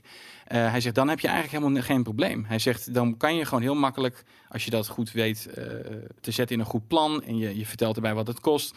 Ik, ik voel me daar een stuk zekerder bij nu om dat te pitchen ergens en te laten zien waar dat zit, dan dat ik dat toen deed. Toen Ja. wist ik eigenlijk niet wat ik vroeg. En dat, dat heeft misschien, nou, Starbase heeft dat wel een beetje geleerd aan ons, Ja, wat dat was. En wat ik al eerder zei, inderdaad, op het moment dat je heel goed weet als, als de, de founder van een bedrijf waar je naartoe wil, dan weet je ook hoe je moet anticiperen. Kan je ook heel goed pitchen bij, eh, bij investeerders. eh, waar naartoe, op het moment dat je niet heel erg duidelijk weet, dan weet het team niet waar die naartoe moet. Eh, de game weet niet waar die naartoe moet. Dus het is altijd wel heel erg belangrijk dat je een, eh, een licht aan het eind van de tunnel hebt. Misschien mooi om te zeggen, een sequel of een, een, een, een, de game hierna, ja, die, daar hebben we zeker ideeën over. Alleen soms is het, eh, wij, in de eerste fase ben je een soort van eindig aan het, aan het eh, denken en ben je een soort Mm. van iets op een pedestal aan het zetten van jongens, dit moet het worden. Op dit moment kan je daar heel realistisch antwoord op geven welke in de buurt komt nu. Dus van nou, die, die, die tweede game, eh, hoe ver eh, kunnen we dat al doen? Nou, dan zie je van, oh wacht even, we, wie weet willen we hem wel naar een console brengen. Wie weet willen we Ja. nog wel tien talen lokaliseren. Een nieuw deel of eerst nieuw een deel, deel, ja. lokaliseren. En, en, ja. Ja. Hoe, en hoe, doe je, hoe ga je daarmee om? Nou, ik, ik zie bijvoorbeeld nu, eh, mensen willen echt heel graag verder. En dat begrijp ik ook wel. Uh-huh. Dus dat staat op nummer één. Ja. Maar eh, bijvoorbeeld, ik heb ook ontzettend veel vragen over van ik wil hem zo graag in het Duits hebben of ze willen hem in het Koreaans hebben. En eh, Ja. ook dat weten we gewoon wat het kost. We weten ook eh, waar we dat gaan doen bijvoorbeeld. Het enige is, daar moet je gewoon, eh, dat moet je een beetje plannen in de tijd. En of dat dan verstandig is met, eh, eh, als je dat, stel je voor dat ik nu tien talen erin ga rammen. Mhm. Misschien is het helemaal niet handig om dat nu te doen. En kunnen we beter eerst eventjes een deel maken. Dan vervolgens misschien, oh wacht, Duitsland heeft veel mensen die de game heel erg interessant vinden. Doen we eerst een Duitse versie bijvoorbeeld. En daar zitten we nu waard? op. Ja. Is het het waard Ja. om, om hem te lokaliseren? Als je hem nu in, het, eh, in een hele vreemde taal aan het lokaliseren bent en het, dat zorgt voor vijf sales, dan is het natuurlijk niet handig om daar je geld op in te zetten. Het is een beetje vervelend, want als, als creatieveling vind je het niet leuk om eigenlijk daarmee bezig te zijn. Dus dat je een soort pay-off Ja. eh, eh, kostenplaatje maakt. Eh, daar hebben wij gelukkig ook onze andere partner voor, die daar iets meer op zit. eh, zodat wij iets meer in de vrijheid kunnen denken over eh, creatieve beslissingen De en nummers. management. Ja. Ja. Ja. Ja. Ja, ja. Klopt. Maar dat, moet- dat is wel belangrijk. Daar moet je ook, moet je ook over nadenken Ja. eh, binnen, dit game, binnen, dit, Ja. binnen elk bedrijf. Is, Ja. dat, is dat belangrijk. Wat, wat, wat, eh, wat denken jullie te gaan, te gaan verkopen van, eh van? Hoe, hoe, hoe werkt dat? Hebben jullie daar inschattingen over van tevoren? Hebben jullie daar, denkt Steam mee? Krijg je een soort van, doe je een soort analyses daarop over wat het in week 1 doet versus wat het Nou, we hebben natuurlijk wel eh, een aantal soort units die we moeten halen. Dus er zit natuurlijk wel een spreadsheet achter. En die zegt, luister jongens, het gaat goed als het zo gaat. En het Ja. gaat wat minder goed als het deze nummers haalt. Eh, als het die nummers dan niet haalt, eh, moet je wat harder werken aan de winkel. Moet je zorgen dat het meer reach heeft. Eh, en, en vooral de demographic opzoeken. Ja. Wie- welke speler vindt dit gaaf? Eh, en, en zorg dat je die communities pakt. Dus Ja. mensen die inderdaad eh, sci-fi fanaten zijn. Mensen die story games gaaf vinden. Op het moment dat ze eh, high-pace hack en slash vet vinden. Ja. Is het misschien niet per se onze doelgroep. Nee. Ja, ik kreeg van, eh, ik geloof dat eh, een paar gasten die zeiden ook tegen me van, indie games is dat heel raar, want eh, je, je hebt bijvoorbeeld een Tomb Raider die uitkomt, dat is niet een indie game, maar die heeft een soort PR-piek in het begin, omdat iedereen, iedereen kent die game, eh, het, of het bereikt je al snel op het bushok wat je naast je staat. En dan zie je dat dat dropt. En Ja. dan heb je een beetje je piek gehad. Maar bij indie games is dat dus helemaal niet het geval. Want eh, daar is het echt... Je, je start eigenlijk al vanaf de bodem, in, Ja. bij wijze van. En eh, bij ons is het dus ook moeilijker om te zeggen... wanneer nou eh, de game heel hard loopt. Of, eh, en, en dat is dus nu... als van horen zeggen en van mede-indies weet ik dat ze zeggen... Joh, het kan ook over een half jaar ineens heel erg uit de pan slaan, zeg maar. Of opgepikt worden. En bij ons is het gewoon, ik zie nu langzamerhand wat de doelgroep is en waar we die moeten bereiken. Dus Ja. dat moet je eerst nog even uitvinden voordat je daar eh, ja, wat meer. eh, nou, ik, volgens mij eh, had ik bijvoorbeeld Peter de Jong, die van Code Glue, die heeft bijvoorbeeld Ip en Op en die verkoopt nog steeds bijvoorbeeld. Ja, Nou, dat- staat, hij staat ook nog steeds. Hij stond ook op First Look. Ja, Ja, ik zag en dan- hem in Japan. ja, ja, Ja, zeker. ik, vind dat, ik vind dat bijvoorbeeld echt fascinerend dat zo'n spel zo lang eh, in de verkoop kan blijven. En dat vind ik echt heel knap. Dat Ja. is niet alleen maar eh, met mazzel hoor, daar wordt heel hard aan gewerkt. Tuurlijk, ja. Nou, misschien over nummers eh, gezegd. Wat we wel kunnen zeggen is dat er... er zijn heel veel streamers die het spelen. Dus we hebben eh, Noord-Amerikaanse streamers zoals Lyric gehad... die, eh, die de game oppikten. Ja. Eh, eh, Duitsers zoals Gronk. eh, de- volgens mij staat nu op de nummer twee als grootste YouTuber van, van Duitsland. Eh, en, en er komen heel veel eh, key requests binnen van inderdaad grote users. Het, wordt, het is ook een beetje een lopend vuurtje. Op het moment dat de een het speelt, denken ze... hey, volgens mij eh, loop ik achter. Ik moet ook relevant blijven. Ik wil dat spelletje ook spelen. En je ziet regelmatig zie je hele grote streamers tot, tot kleinere kanalen ja. spelen, spelen Deliver Us the Moon. Dus qua reach bereiken we op, op, op dat eh, platform, op die platformen eh, wel heel veel, ja. Nou, en ik denk dat jullie dat beter doen dan bijna alle andere Nederlandse spelproducties. En ik, het, het bizarre is dat ik vanaf het begin, eh, dat ik, ik volgde de game al, al vroeg. En dat komt Ja. omdat jullie toen op First Look waren en dat ik, ik zag het toen. En nu ook met de reviews. Kijk, je kunt discussiëren over, de, over of de game een 8 of een 7 of een 9, whatever. Wat mij opvalt is dat bijna alle grote, in ieder geval PC eh mediaplatformen de game coveren. Weet je hoe moeilijk dat is? Ja, Dat is Ja. fucking onmogelijk. Ik heb een keertje ben ik ooit betrokken geweest bij een eh, uitgever en die zei van nou als jij het voor elkaar krijgt om die game op dat en dat Ja, platform ja. fietsen te krijgen en ik zo ik ken al die gasten weet je ik zit wel eens met ze in de kroeg hoe moeilijk kan het zijn vergeet het no fucking way dat die game daar gefeatured werd en nu ik bedoel jullie staan bij al die ik zag nog niet een dag na de release gewoon pagina rock paper shotgun. Ja, Dat is gewoon, dat is echt heel erg goed. dat Weet is je? wel een fair review, vond ik dat. Ja. Ja, die vond ik ook Ja, goed. Ja, ja toch zeker. Ik, Dat- ik denk dat het wel goed te zeggen is dat wij eh, de PR zo vroeg zijn begonnen. We zijn echt letterlijk begonnen met een, eh, ja, een, een uit de hand gelopen prototype. Waar we op Gamescom stonden. In 2015 zijn we eigenlijk al begonnen om Deliver Us the Moon aan de man te brengen.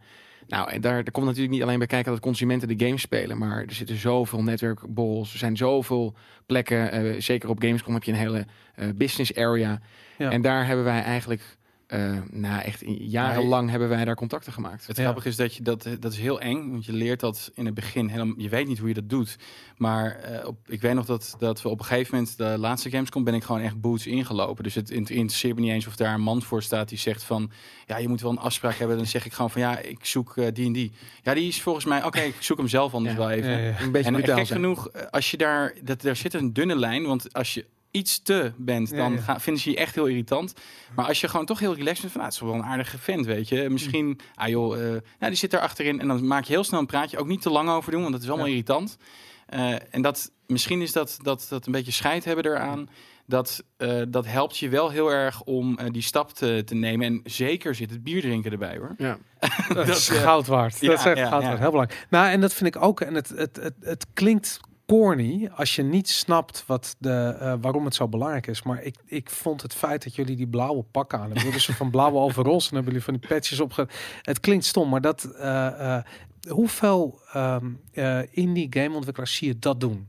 Zie Ja. je net even die extra stap zetten om gewoon te proberen om, ehm, ja, weet ik veel, wat die game is, eh, eh, over te brengen bij mensen. En het, soms is het, heb je, heb je zo'n stukje nodig om gewoon net even bij iemand te blijven hangen of nog eventjes, weet je. En ik heb je ook, ik snap dat als je met elkaar bent, het leuk is om oh, iedereen, het is leuk als je kan verkleden met z'n allen, is lachen, weet je. Ja, Maar ik heb je ook in je eentje op de E3 en dan had je ook dat pak aangetrokken. Ja. Weet je, ja klopt. en dat, dat, maar dat is, ik denk dat dat belangrijk is. Dat, Nou, eh, misschien wel leuk om te vertellen. eh, toen, eh toen Koen op First Look hier stond, stond ik in, eh in Erfurt, eh Mac Event, eh, net nieuw. Duitsland. Ehm, het grappige is dat eh, er heel veel mensen ons wel kennen, eh, maar meestal met de pakken. ja, tuurlijk. Dus, ja. eh, zelfs de, de Indie Arena waar we daarbij stonden, die, eh, die had even moeite. Oh, de- ik ken je ook. Die Ja, pakken ja. gingen aan en dan denk je, oh, daar, daar is het weer. Ja. Eh, een goed idee van Koen geweest om te zeggen, weet je, we hebben natuurlijk niet te veel budget om eh, zware en dikke boots. Dus hoe kunnen we die boot vergroten? ja. Eh, Ja. Cosplay. Ja. Ja. Ja, dat is dat is helemaal eh, hip. En, en ook al, ik moet zeggen... Ik heb het dat- niet als cosplay gezien, Nou, moet ik eerlijk zeggen. Het grappige is dat ik daar... je pak hadden. Ja, maar ik, weet je wat raar is? Soms dan ben ik ook... Dan, eigenlijk is het ontzettend nerdy natuurlijk om in zo'n ding te lopen. En toen dacht ik ook van... Ik, ik be- besef het mezelf ook niet meer. Dat ik er dan in, in staan eigenlijk zwaar voor lul staan. Misschien hier en daar. Maar ergens vind ik dat ook... he- vind ik het ook wel chill of zo. Ja. Weet je, dat je denkt, ja, scheid, ik doe het gewoon. En eh, daardoor kent iedereen wel weer... Oh, dat zijn die gasten weer. Die Ja. komen daar weer vandaan. En dat maakt je heel erg approachable. Dus ik weet dat wij eh, eh, op Gamescom stonden wij tegenover een paar boebabes. En eh, dat is toch een beetje de, de markt van de, de automarkt. Die denkt, nou, we gooien er een paar mooie vrouwen tegenaan. Wellicht werkt dat wel. Werkt niet zo goed. Nee. Niet je meer wil in ieder geval, Je wil in ieder geval een Ja, meer een approachable versie hebben. En op het moment dat je er toch een beetje te arrogant of te cocky uitziet... eh, vinden ze mensen toch moeilijk. Mensen hebben zelfs moeite om te zeggen... oh, mag, mag ik dan spelen? Ja, maar ze weten ook niet wie je bent. Dus op het Ja, moment dat ja. je in je gewone kleren staat, je, je kan wel een bezoeker zijn, Exact. weet jij veel. Maar op het moment dat je het pak aantrekt, dan weet je één ding zeker: van jij staat daar. Omdat Ja.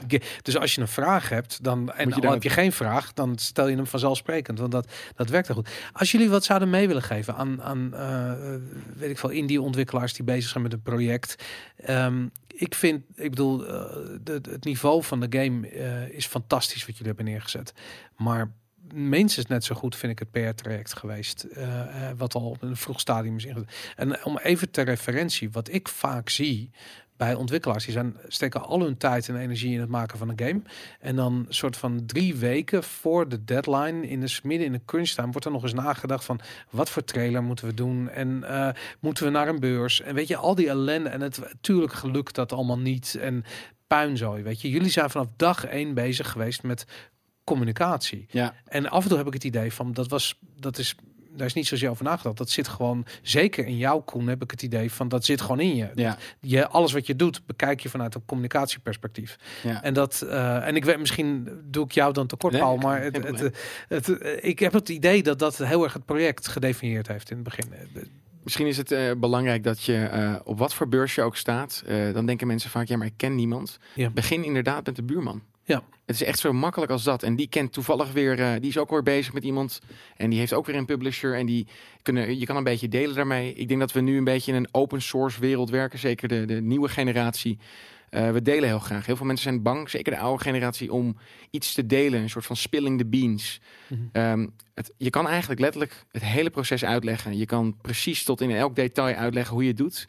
Het moeilijkste is echt het doen. Dus ehm, Ja. ik denk voor de, voor de, voor de meeste indies, ehm duik Ja. erop. Misschien eh, eh, elke eh, indie, of maakt eigenlijk niet uit, het hoeft niet eens in games te zitten, maar als jij iets pro- probeert, iets begint, alles wat je, want het gaat enkel maar om keuzes te maken en verantwoordelijkheid nemen voor Mm. dingen. Exact. En als jij bang bent, want je durft iets niet te doen, dat heeft iedereen. Dus het maakt niet eens uit of je het wel of niet doet. Dat heb je algemeen, zeg maar. Dus als jij bang bent van, ja, moet ik dan daar staan of moet ik dit laten zien of eh, moet ik die programmeur gaan huren? Je moet alleen maar gewoon nadenken van, doe, ja, voeg het toe aan je doel. Eh, eh, is die persoon misschien wel degene die inderdaad jou dat next level kan geven, zeg maar? En, en gaat die akkoord met jou, weet ik veel, loon dat je hem geeft? Of Mhm. gaat die persoon akkoord met dat je hem een, een biertje geeft en dat hij er een review over schrijft? Maar het is gewoon, je moet het eerst proberen en, en wees daar gewoon wel. Ik wil niet zeggen dat je heel bland moet zijn, maar wees daar een beetje cautiously bescheiden in, zeg maar. Dat je kijkt van, dit wil ik eh, en, en doe het. Want dan voel je, het eerste wat je ziet is van, oké, want ze zeiden ook tegen ons, die Kickstarter gaan jullie nooit lukken. En toen dacht ik, ja, 100.000 euro is ook wel een beetje veel eh, voor, een, voor een- iemand met geen track record. En toen dacht ik, ja, toch, ik heb gewoon scheid, ik ga het gewoon doen. Ja. En, eh, en dan ga je gewoon daar naartoe leven. Dus op een gegeven moment zeiden we ook tegen elkaar, eh, toen echt een beetje in de beginfase, zei ik, weet je wat mij nou echt vet lijkt? Als ik gewoon eh, elke dag naar mijn werk kan gaan hier en ik maak deze game. Ik kan ervan leven, ik heb een huis en, eh, en dat kan ik gewoon blijven doen. Ja. Nou, dat kon ik toen nog niet, want we hadden, eh, nou, onze vader die hielp ons hier en daar nog wel met een honderdje om weer wat eten te kopen. Maar het grappige is dat je op een gegeven moment heb je dat, want op een gegeven moment had ik inderdaad een huisje gehuurd, eh, woonde ik daar en had ik ineens een loon. En toen dacht ik, fuck, dat heb ik wel gewoon gedaan. Alleen dat ga- ontga je een beetje. Dus soms dacht ik van, hé, hey, ik heb dat doel gewoon bereikt. En Ja. dat, eh, vind ik het nou chill? Ja, ik vind het zeker chill. Nou, misschien is het wel goed om te zeggen, is er zit altijd dat stemmetje in ons hoofd en die eh, bewijst ons altijd, nee, maar dat is niet handig, of je, je valt deze persoon lastig, of je hebt het geld er niet voor, of als je dit kiest, het lukt niet. We hebben altijd duizend redenen om iets niet te doen. Er zijn er altijd maar één om het wel te doen. En dat werkt ook zo met netwerken. Op het moment dat je dan in een groep staat, denk je, nou, die staan nu net in een groep te, te praten, dan val ik ze waarschijnlijk lastig. Eh, wat Soms ga- is wat- dat misschien ook zo. ja, wat, wat maar- ga ik dan zeggen? Ehm, en dat zit bij iedereen erin. En ik moet zeggen, zeker in de game-industrie is het wel heel erg approachable. Dus de hiërarchie. Het maakt niet uit of je een indie bent en je wil met een CEO van een grote AAA praten. Kan. Er is een mogelijkheid daar. En Ja. ehm, ik, ik ken ook de muziekindustrie. En ik moet zeggen dat de game-industrie daar toch echt iets opener is dan de muziekindustrie. Dus gooi jezelf maar in die situatie en, en zorg maar dat je dealt met de consequentie. En de consequentie is vaak veel lager dan je anticipeert. Ja. Ja. Hoe belangrijk is het dat jullie broers zijn en een team zijn? Eigenlijk al waarschijnlijk al vanaf dat jullie van kinds af aan zijn jullie een team. Ja. Want dat je elkaar over die grens heen trapt. Van ja, maar misschien zit iemand te wachten op mijn verhaal en mijn pak en weet ik van de game. en weet, weet ik het. Maar dat je het gewoon toch doet, omdat je elkaar zo ver krijgt. Ja, we hebben wel, laat ik het zo zeggen, als wij een discussie hebben, dan kunnen we wel eens de deurpost eruit slaan. Maar Mhm. dat is gewoon, eh, dat is wel denk ik broers. Dus daar, eh, onze compagnon Johan, die zit daar wel eens tussen. En dan, hij is ondertussen wel gewend Ja. eh, dat, dat dat wel gepassioneerd kan worden. Gepassioneerde ruzie is het. eh. erbij. Maar ergens, eh, nou, je ziet het een beetje bijvoorbeeld. Ik kan het op zich wel, eh, wel zeggen. Ik, ik heb echt begin dit jaar ben ik er echt even uitgeknald. Want eh, als je zoveel eh, verantwoordelijkheid opzuigt eigenlijk en zoveel eh, balletjes probeert hoog te houden, dan wordt het ergens te veel. Mhm. En zo- ja, zeker tot een punt dat ik echt even niet meer wist wie ik was. Gewoon dat je Ja. denkt van ja, wat, wat doe ik eigenlijk nog? En dan wil je niet stoppen, maar op dat moment heb je eigenlijk jou die dat gewoon helemaal opvangt. En die Ja. zegt dan, nou, ik ga dat gewoon verder zetten. En dan reïntegreer je dat weer gewoon, kom je er gewoon weer langzaam bovenop. En dan doe je dat weer samen. En misschien heb jij dat weer een moment gehad dat het dan bijvoorbeeld even lastig ging bij jou. Dan pak ik weer wat meer op. Of Johan pakt weer meer op. En gek genoeg gaat dat al heel lang goed. En je bent vader geworden natuurlijk. dat ook nog, ja. En ik denk dat die twee dingen niet los van elkaar zijn. Nee, nee, ja, dat is. eh, dat, dat, dat kwam er ook doorheen, inderdaad. Eh, wat ik wel echt super vet vond. Want Mhm. dat is denk ik wel goed. eh, nou ja, goede timing wil ik nou niet zeggen. Maar het was wel goed dat ik daar even rust nam. En eh, vooral dat eventjes beleefde. Van hoe het is dat je voor het eerst een, een dochtertje hebt. En ja, het, misschien is dat wel relaxed. Want nou heb ik echt een soort van thuis. Een soort Ja. plek waar je naar terug kan gaan. En, eh, en dat probeer ik nu ook een klein beetje te scheiden. Los van dat ze. Ja, het gaat natuurlijk wel vaak ook over dit. Ehm, maar dat doet, dat doet mijn vrouw wel heel goed nu. Die, eh, die is daar wel heel sterk in. En dat moet je. Nou, dat moet je wel echt. Nou, ik heb het niet echt. eh, ik weet niet hoe ik dat heb gevonden. Maar zij, zij snapt ergens. Zonder dat ze echt de ervaring nodig had om dit te doen. Eh, wat dit is. En dat je. Ja, dit is ook een soort baby. zeg Ja, maar. Deliver as a baby. Ja, dat, eh, jij zei het nog. Facebook. Ja. nou, ik, ik, ik weet namelijk op het moment dat ik zelf vader werd, eh, dat mijn, laat ik zeggen, mijn burn-out volgde niet veel later. Nee. Omdat er is niets wat je perspectief in het leven zo verandert als Ja. het krijgen van een kind. Ja. En daarna zijn die 80-urige werkwijk zijn niet meer vanzelfsprekend. Terwijl ze dat daarvoor wel waren. Want Ja. wat is er anders in het leven dan werken?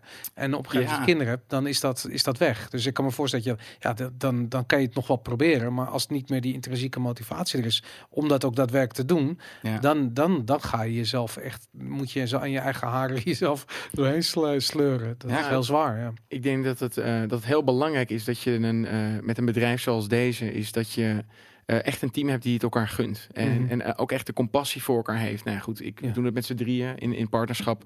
Het is mijn broer, weet je, ik gun hem alles. Er, daar, daar kan geen geld tegenop, daar kan niemand tussenin komen. Ja. Wat dat betekent, is op het moment dat het wat zwaarder wordt, of inderdaad, het, het wordt inderdaad een, een persoonlijk iets en baby's en eventjes, het wordt te veel en iemand weet niet meer precies wie die is. Ehm, dan is het echt even belangrijk dat je, dat je weet hoe je moet schakelen. Jij bent ook oom geworden. Ja, Ja, daarom. Ja. Maar toch, als je zelf vader wordt, dan Ja, ben je anders, letterlijk een ander persoon. De verantwoordelijkheid. Ja. En het raar is, want aan de ene kant heb je zoiets van, je hebt eh 10 man, tw- 21 man hoorde ik je zeggen, Ja. die bij wijze van spreken werken bij Keoken. Ja. Eh, ehm, op het moment dat je een kind hebt, dan, is die, eh, dan merk je opeens dat die afhankelijkheid net even wat anders is. Ja, ik Dat, vind het eh, het meest bizarre van een kind hebben is dat ik. je, je bent niet zo gewend om zoveel keuzes voor een ander te maken in zijn leven. En ik vind dat. nou ja, ergens is die, die verantwoordelijkheid is zo sterk dat je denkt van, oh maar wacht even, je denkt ineens na, waarom, eh, oh wacht maar, moet, moet ik dit er wel geven of is dat eigenlijk handiger? Terwijl je die altijd voor jezelf maakt en gek genoeg ben je daar misschien wat, wat, wat, wat, wat ja, soepeler in bij jezelf dan voor een ander, want voor een ander wil je zeker weten dat je het goed doet, zeg maar. Ja. En dat, eh, dat heb ik nu ook. Van ja, eh, ja, wat voor een keuzes maak je? En dan ga je ook nadenken, wat hebben mijn ouders eigenlijk gedaan? En pa, waarom? eh, oh, nou, daarom heb je dit gedaan bij mij. Zeg Jullie maar. mochten unlimited videogames spelen? Hoe dan precies? Ja. Je, als je zelf vader bent, heb je zoiets van... Ja, ja. Nee, dat Nee. denk ik niet. Weet je, dat, dat, dat, Ja. geniaal. En, en eh, eh, hoe, ben je door het feit dat je vader bent geworden... anders gaan kijken naar, naar development? Naar, naar het vertellen van verhalen of naar het... eh, Ehm, ik, eh, ik denk dat ik. eh nou, ik word er misschien wat. eh, ik vond bijvoorbeeld Johan, die, onze compagnon, die is ook vader geworden iets eerder dan ik. Ik vond hem er heel erg volwassen door worden. Dus hij, hij ging hele goede keuzes maken. Hij, ging, hij dacht echt een stuk beter na over dingen. Soms dat ik echt dacht van wauw, gast, relax dat jij dat nu doet. Want eens een voorbeeld van goede keuze.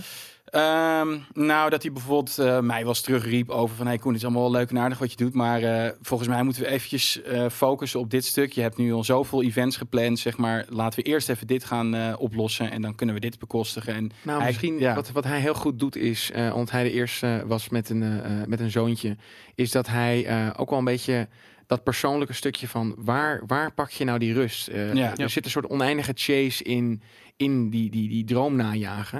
En wat hij heel goed kon, is wel even terugroepen, dat hij zei van luister jongens, dat is niet alles waar het om draait. Ja. Je moet ook iets ernaast hebben. En ik denk dat hij dat heel erg goed eh, heeft proberen over te brengen en, Ja. en ons Ja. ook heeft ondersteund daarin. Ja. Ja.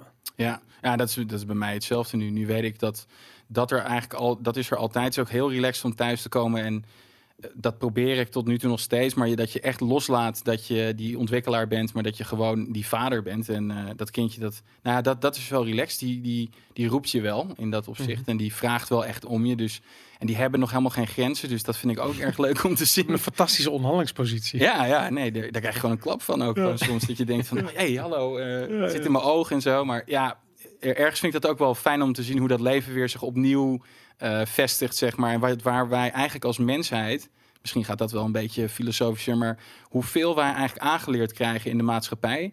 En dingen die we denken dat tellen, zeg maar, die eigenlijk misschien helemaal er niet zo toe doen, zeg Ja. maar. Vind ik heel interessant. Want ze is nu een jaar. Nee, ze is nu, eh, ze wordt bijna zes maanden. Ah, oké, oké. Ja. Dus zes maanden. Ja, oké, inderdaad. Ja. Ja. Nee, want ik, vind- ik, ik, ik vind namelijk de. eh, mijn, mijn kinderen zijn op soort van naar de lagere school aan het gaan. En de ene zit op de bovenbouw en weet ik veel tegenwoordigheid. Maar in ieder geval, als ik dan kijk hoe dat eraan toe gaat op school. En als ik kijk hoe het schoolsysteem werkt. Dan heb ik zoiets van, hier klopt helemaal geen reet van. Het is echt ongelooflijk. Ik ben het met je eens. Ja, maar het is, het is weird. En ik opeens, ik bedoel, ik heb serieus, ik heb geen school afgemaakt. Ik heb op zes verschillende scholen gezeten en gestudeerd en alles. En uiteindelijk paste ik niet in het systeem. En ik dacht altijd, het ligt aan mij. Ik pas gewoon niet in het systeem. ja, En nu realiseer ik me van, maar wacht, dat zegt ook wat over dat systeem. ja. En dat vind ik het mooie aan videogames. Is dat videogames in feite systeemloos zijn. Ja. Weet je? Dus je kunt daarin het verhaal vertellen zoals je het vertelt. Je, weet je, wat jij aan het begin van het, of wat jullie eigenlijk beide aan het begin van het eh, gesprek vertelden, is dat de context waarbinnen mensen het spel ervaren niet duidelijk is. Je kunt playtesten wat je wil, ja. maar je gaat er nooit een antwoord op je vraag krijgen. Want je probeert eigenlijk een, tot een, een, hele brede doelgroep terug te brengen tot een absolute mening. Die absolute mening bestaat niet. Ja. En dat vind, dat vind ik zo interessant aan, het, aan, het, aan dat proces. En daarom vind ik dat communicatieaspect zo belangrijk. Want dat is namelijk waar het valt of staat. Weet je, op het moment dat je een communicatie hebt met je community, ja. dan kun je samen bouwen aan de, ja, aan, de, aan de essentie van wat je probeert over te brengen met je game, zoiets. En dus in onderwijs is exact hetzelfde. Maar Nou, met Ik- de educatie is het misschien wel... eh, wat, wat, wat ik vervelend zelf vind, is dat je... Je krijgt een heel pakket en je krijgt eigenlijk een hamer en je krijgt een schroevendraaier. En misschien krijg je nog zelfs een, een, een slijptol erbij. Ja. En ze zeggen, je zal het ooit een keer nodig hebben. En eh, als ik kijk naar hoe wij eigenlijk het beste hebben geleerd, is vaak uit een vraag. Dat we zeiden maar, hoe, eh, hoe maak je een website? Dan zeggen ze, oh, maar dan heb je dit soort tools nodig. Ja. Nou, ik vind op die manier leren is eigenlijk hoe we, hoe we verder zouden moeten leren. Dus meer uit de vraag, omdat we ergens een soort, we willen weten hoe dat moet. Eh, ja, maar ik zou graag een feest willen geven. Eh, nou, daar heb je posters voor nodig. Nou, eh, dan moet je een poster designen. Wat heb je daarvoor nodig? Photoshop. Maar niet in de plaats dat je Photoshop aan het begin leert. Dat je zegt, ja, je, moet, je gaat ooit een keer een feest geven in je Ja. leven. Dus ik denk dat het ook iets meer naar die kant moet gaan. Ehm, en vooral dat mensen niet zo bang hoeven te zijn om te falen. Ik Ja. faal elke dag. Ja, Ja, maar misschien ook om het een beetje op. Het is moeilijk om onderwijsprogramma's op te zetten die, Exact. die eh, ja, echt. eh, Want als je te specifiek gaat, dan moet je het na misschien een paar maanden alweer verversen, zeg maar. Alleen, ik zie wel, eh, eerst snapte ik ook nog niet zo het doel van, weet je wel, dat je wiskunde krijgt en zo en al die dingen. Ik snap het een beetje. Er zijn wel een paar dingen die handig zijn. Dat je misschien Mhm. een beetje historie meekrijgt, dat je een beetje context krijgt van de wereld waar je in komt. Want ja, niemand weet eigenlijk bij God waar we zijn nu. Eh, dat vond ik ook trouwens leuk. Om, als je ouder wordt, kom je er steeds sterker achter dat eigenlijk niemand weet wat ze hier aan het doen zijn. dat ik aan het acteren is. ja, precies. Maar dat vind ik ook wel iets moois. Want ergens kan je dan. Dat, dan is het ineens heel mooi om eh, bijvoorbeeld eh, in mensen hun leven te interesseren. Van wat heeft die persoon zo gemaakt als die nu is? En waarom heeft hij die keuzes gemaakt? En daar valt echt gewoon overal van te leren. Nou, nog even terug op die tools. Dat, Ja. wat- Wat je zei, dat je eerst tools legt. Ik heb het idee namelijk, je kunt op die manier leert niemand iets. Weet je, niemand begint met de tools. Ik bedoel, zo werkt leren niet. Nee, Weet je, op het moment dat jij als een holbewoner met je, eh, of je loopt rond door de bossen en je ziet daar, weet ik van, een kip lopen, dan heb je zoiets van, ik heb iets nodig om die, die, die kip die gaat vanavond op mijn bord, maar dan, ik heb nu iets nodig, weet je. Hoe doen we dat? Daarom, dan ga je nadenken over tools. Dus Ja. je hebt de uitdaging en dan denk je na over die tools. Hoe kijken jullie naar, ehm, naar, naar game design opleidingen in Nederland vanuit die, dat perspectief? Want ik bedoel, jullie zijn letterlijk eh, een aanbieder van de problemen, van de uitdagingen. Weet je, op het moment dat je in een productieproces zit, dan komen de mensen die komen stage lopen, die hebben allemaal tools eh, geleerd te gebruiken. En die zitten van, moeten we een schroevendraaier of een hamer gebruiken? En jullie hebben zoiets van, het maakt niet zoveel uit als je maar morgen dit probleem oplost. Ja. Hoe, kijk je naar die, naar die opleidingen? Ehm, nou, het is, het is natuurlijk een. ehm, ja, je, je moet. Dat, dat is een beetje. Ze lopen gewoon, denk ik, altijd achter. Dus Mhm. ongeacht of ze het proberen. En ze proberen natuurlijk bij te blijven. Van, nou, dan springen ze weer naar Unity. En dan gaan ze misschien weer Unreal. En dan willen ze dat weer. En dat bedoel ik misschien te zeggen met dat het lastig is om echt daar eh, een, een vaste keuze in te houden. Dus bijvoorbeeld als je kan programmeren, is het eh, überhaupt handig om die, die methodiek te snappen of de, de denkwijze van een eh, programmatuur. En dan maakt het bij wijze niet zoveel uit of je dat in Unity of in Unreal hebt gedaan. Ehm, wat je wel ziet is dat ehm, Onderling van bedrijven verschilt het ook nog wel een beetje, maar de meeste hebben wel genoeg bagage, vind ik. Dan, dan is het wel een beetje de topsegment van een school, die eh, eigenlijk gewoon in het werkveld ingezet kan worden. En dan moeten ze eventjes wennen aan het begin van: oké, hoe doet dit bedrijf het? Hoe wil, hoe wil dit bedrijf het? En dan komen ze er wel, vaak met een enorme bagage terug naar de school. Van, eh, en dan zijn ze een beetje van: ja, weet je, ik ken het al en ik hoef dit niet op deze manier te doen, want dat werkt niet. Eh, ergens eh, helpen we denk ik daarmee met de teruggaande studenten dat we ook een klein beetje die werkwijze terug de school induwen. Van nou, wij hebben het zo gedaan en eh, ja, het is misschien een beetje een wisselwerking. Ehm, ja, je moet het denk ik niet te veel specifiek maken, want hoe specifieker je het maakt, hoe slechter die opleiding eigenlijk is. Ja. Ja. En wat, wat, wat is dan de beste opleiding in Nederland? Ik, ik zelf vind voor de games die wij maken, dus echte grootschalige games, dat is gewoon echt Breda. Ja? Dus, eh, ja, de, de NATV, oh, dat heet trouwens nu eh, anders, geloof ik. Maar die gasten die daar vandaan komen, hebben in plaats van de tools die ze ook wel kunnen hoor, hebben zij een mentaliteit meegekregen die volgens mij in de AAA-wereld heel erg herkenbaar is. Dus die, eh, nou, de meeste jongens en meiden die daarvan komen, die schrikken niet zo af van bijvoorbeeld iets opnieuw moeten doen of dat ze ehm, iets gevraagd wordt wat ze helemaal niet kunnen. Bijvoorbeeld, dat is een Wow. beetje onze power, dat wij altijd gewoon zeggen, ja, hoe doe je dit eigenlijk? Ja, weet, ik weet echt bij God niet, Paul, zullen het maar gewoon doen? Ja, laten we doen. En dat, dat Ja. mentaliteitje hebben zij ook. Ja, hey, en en want eh, ehm, ik ken eigenlijk Breda helemaal niet zo goed. Ik ken de, mede door Emiel de HKU wat beter. Mhm. Ik had altijd het idee van daar zijn ze conceptueel vrij goed.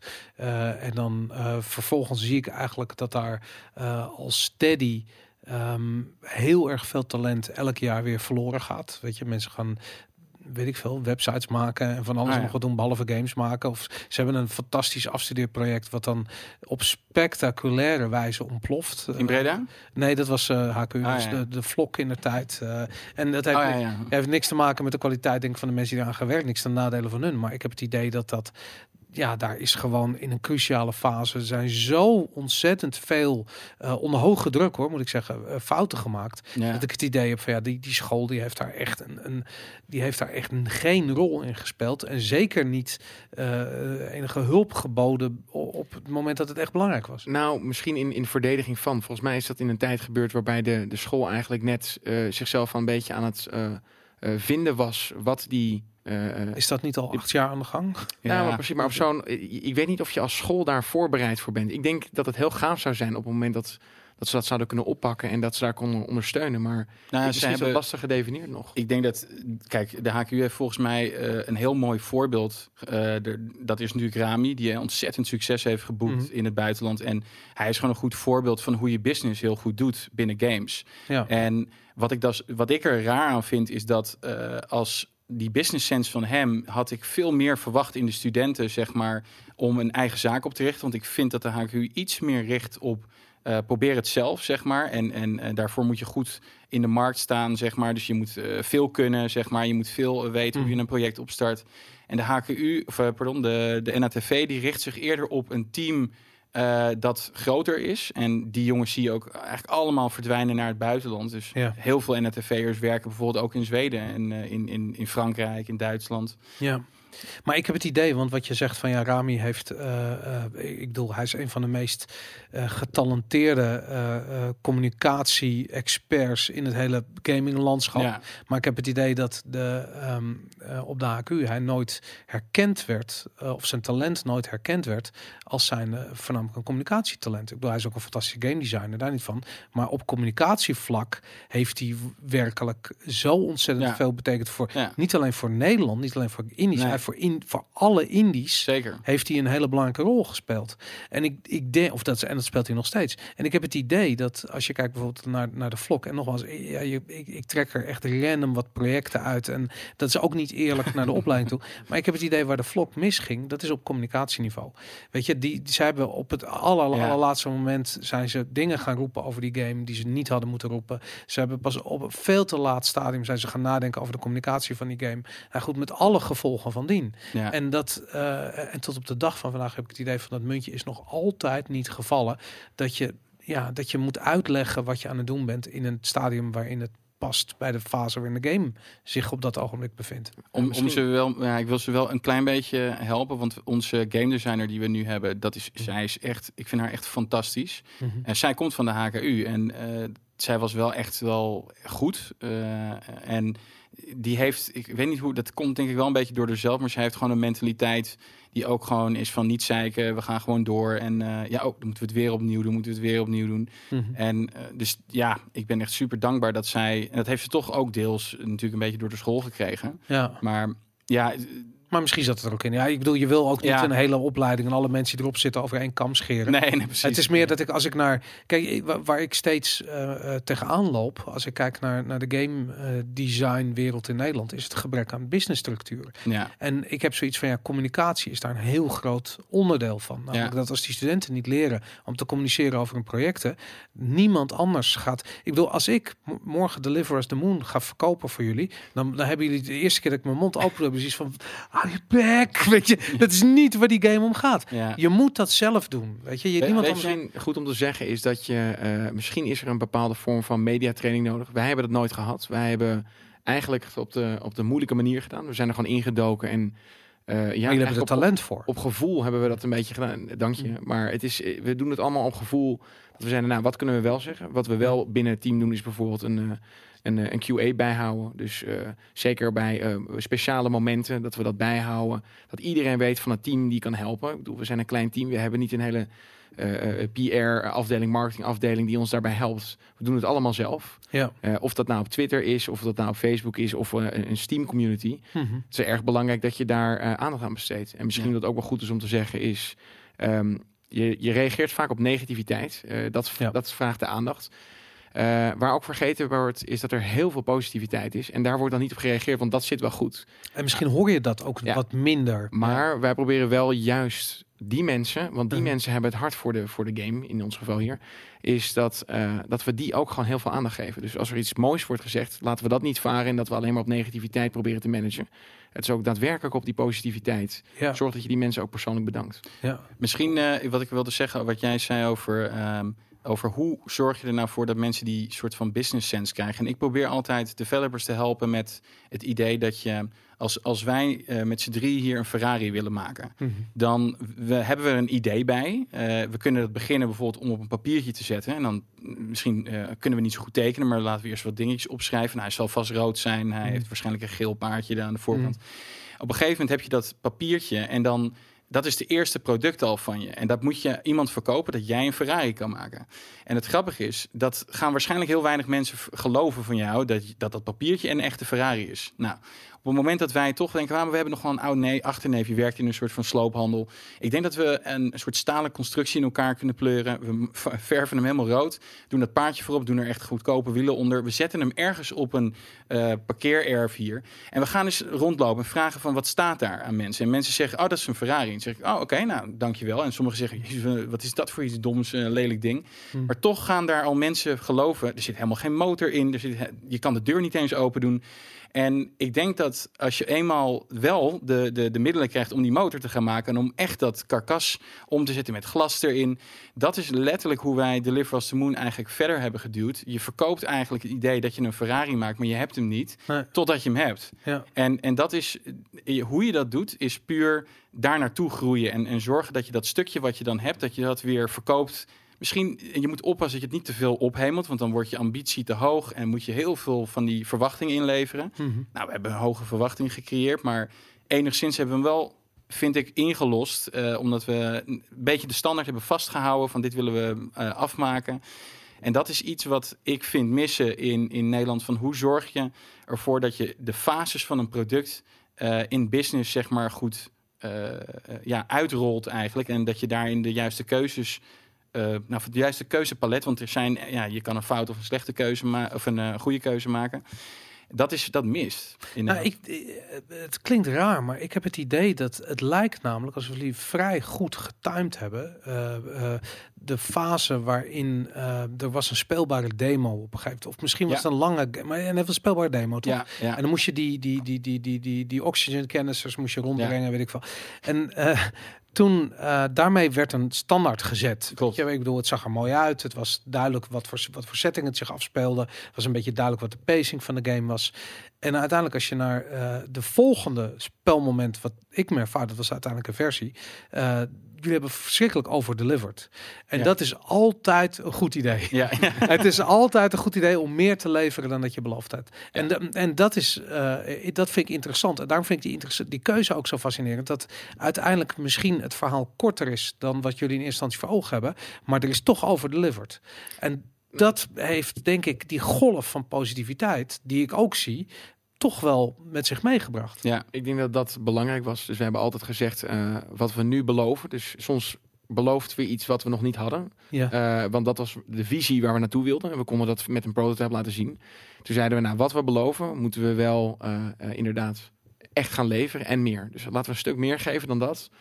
Ehm, en ik denk dat dat het eindproduct geworden is wat we nu op de markt hebben. Ja, en ook Kickstarter bijvoorbeeld. eh, je moet daar een soort. Je wordt een beetje vastgepind door Kickstarter op je product. Dat je. Je moet heel erg oppassen met een belofte die je er maakt. Want eh, het lastige van een product is, is het verandert gewoon. Ja. En je kan, eh, daar kan je inderdaad boze fans door krijgen of niet. Maar he- helaas, als je zeker als je nog twee jaar daarna ontwikkelt. eh, en zeker dus de, de publisher maakte er zoveel veranderingen in dat we het gewoon naar een nieuw niveau konden tillen. Mhm. Ehm, dan zou ik trouwens, als, als ik een backer was van eh Deliver Us, toen had ik heel blij geweest met het geluid dat er een publisher het zelfs opgepikt heeft. Want Ja. dan heb jij met je investeringen ervoor gezorgd dat het naar een heel nieuw niveau gaat. En eh, dat het uiteindelijk uitkomt en er zo uitziet waar je... We hebben geen voice acting beloofd toen. We hadden helemaal niet eh, eh, de, de kwaliteit in, in gedachten op dit moment als dit. Dan, eh, dan zou ik heel blij zijn. En natuurlijk, je kan altijd teleurgesteld zijn over dingen. Dat is ook heel erg fair. Eh, maar dat, dat, zijn, eh, dat vonden wij heel belangrijk. Omdat mijn limit op een gegeven moment was wel bereikt. Die zegt, nou jongens, we, de grafische kwaliteit hoeven we echt niet meer aan te werken. Zeg maar. Dat zit wel goed. Ja. Hey, en dan even over die publisher. Ik bedoel, Ja. uiteindelijk is de game uitgekomen zonder publisher. Ja, Ehm, hoe dan? Je hebt een contract getekend, toch? Hoe werkt dat? Ja. Nou ja, we hebben uiteindelijk een, eh, een verschil in, in creatieve visie gehad. Eh, zij, dat- ik, wil dit, ik wil de smerige details horen. Nee, wat, zijn, wat is een verschil in creatieve visie? nou, op het moment Is dat, eh, gooien met, met, met bier, met Nee, bierblikjes? Nou, het is iets simpeler dan dat. Zij, zij hebben eh, een eigen bedrijf te runnen en eh ze hadden op dat moment een, een, een spel uitgebracht wat niet zo goed liep. Dat Wat betekende, eh, dat was eh, Raid World War 2. En dat eh ze ook dat zij eh, meer op, eh, op een eigen productenlijn moeten zitten. En eigenlijk de, de, de indies die wij eh, daarin waren, eh pasten daar even niet tussen. Oh, Ja. En, eh, en dat is, Ja. dat is even, even dat is toch raar? Ze hebben toch geld geïnvesteerd in een... Ja, nee, dus we zijn ook met, eh, met, met goed gedrag uit elkaar gegaan. Het was beter Maar voor dat is een fantastische deal. Er is niks beters dan eh, soort van eerst betaald krijgen voor je deal en vervolgens weggaan net voordat de game uitkomt en zeggen van, nou jongens, zijn even goede vrienden, maar doei. We hebben, we hebben dat natuurlijk gewoon met z'n tweeën opgelost. Dus eh, als twee partijen, eh, ik bedoel, er is natuurlijk geld geïnvesteerd. Ja, maar hoe werkt dat? Ik ben gewoon benieuwd. Ik bedoel business wise. Ik bedoel, we hebben het gehad over het gebrek aan business structuur in Nederland. Jullie hebben eh, eh, hulp gehad. Jullie hebben waarschijnlijk een goede deal gehad met een partij die ook nog eens een keer zijn verantwoordelijkheid neemt op het moment dat ze afspraken niet kan nakomen. Iets wat extreem zeldzaam is in de zakenwereld, denk ik, over het algemeen. Ehm, Nou ja, je, je, in het begin, toen we de deal maakten, eh, vond ik de deal heel fair. Het was ook echt een 50-50 deal. En in, in feite hebben we exact eh, dat ook teruggekregen in de exit, zeg maar. Dat zij ook gewoon een fair, we hebben gewoon een fair oplossing gevonden om weg te gaan van elkaar. Oké. En, eh, en een van de belangrijkste dingen die ik vond, is dat als jij, nou, laat ik het zo zeggen, er zitten denk ik ongeveer 30 plus, misschien wel 40 plus mensen die aan dit product hebben gewerkt. En ik vond het heel belangrijk om echt, dat we echt konden eh, uitgeven. En zij waren natuurlijk de publisher en wij wilden gewoon de game ook op de markt zetten, want dat, dat established gewoon je naam, zeg maar. Ja. En eh, nou, daar, daar is wel, we hebben daar wel even een tijdje over gedaan. Jij hebt daar een, een grote rol in gespeeld. Maar hoe gaat dat? Wat, wat wilden zij en wat wilden jullie? Ik bedoel, jullie wilden de game uitbrengen. Wat wilden zij dan? Nou ja, kijk, op dat moment eh, eh, hebben zij een grote hit nodig. Dus zij maken een los op een, op een, een ander project die ze daar hebben. Ja. Eh, dan heb je een, een hele grote hit nodig. Nou, als jij dat op dat moment niet bent, Hm. dan kan je dus niet uitkomen. Nou, daar komt dus een creatief verschil. Dat je zegt, nou ja, Dat willen wij wel en dat hebben wij nodig als studio. Ja. Ehm, en eh, eh, of er moet meer geld komen. En dat is één van de twee waar je dan voor kiest. Dat je zegt van of je gaat door, je gaat doordevelopen. Of je zegt eh, je gaat uit creatieve verschil ga je uit elkaar. Dus zij keken naar Deliver Us the Moon op dat ogenblik en zeiden zoiets van, nou, dit is leuk, zit potentie in, maar dit gaat niet de superhit worden die onze verliezen goed gaat maken. Gaan jullie, willen jullie nog twee jaar doordevelopen aan de game? Of gaan jullie ons uitkopen? Dat is eigenlijk wat ze zeiden. Het is meer dat zij waarschijnlijk zelf op dat moment verder wilden met, eh, eh, met een andere game. Dat is de Walking Dead die eraan komt. Daar zat focus op. En even niet op ons. Dus dat betekent dat wij even moeten wachten. Ja, ja. En wij wilden natuurlijk wel gewoon graag, eh, eh, ja, laat ik het zo zeggen, wij, omdat we al vier jaar lang bezig zijn met een titel, Tuurlijk. Ja. willen wij, voor ons is het, is het, kijk, een grote partij kan wachten. En dat vind ik ook prima. En dat kan ik ook heel goed begrijpen. Eh, alleen wij kunnen niet wachten, want wij willen misschien iets nieuws gaan doen of we willen verder.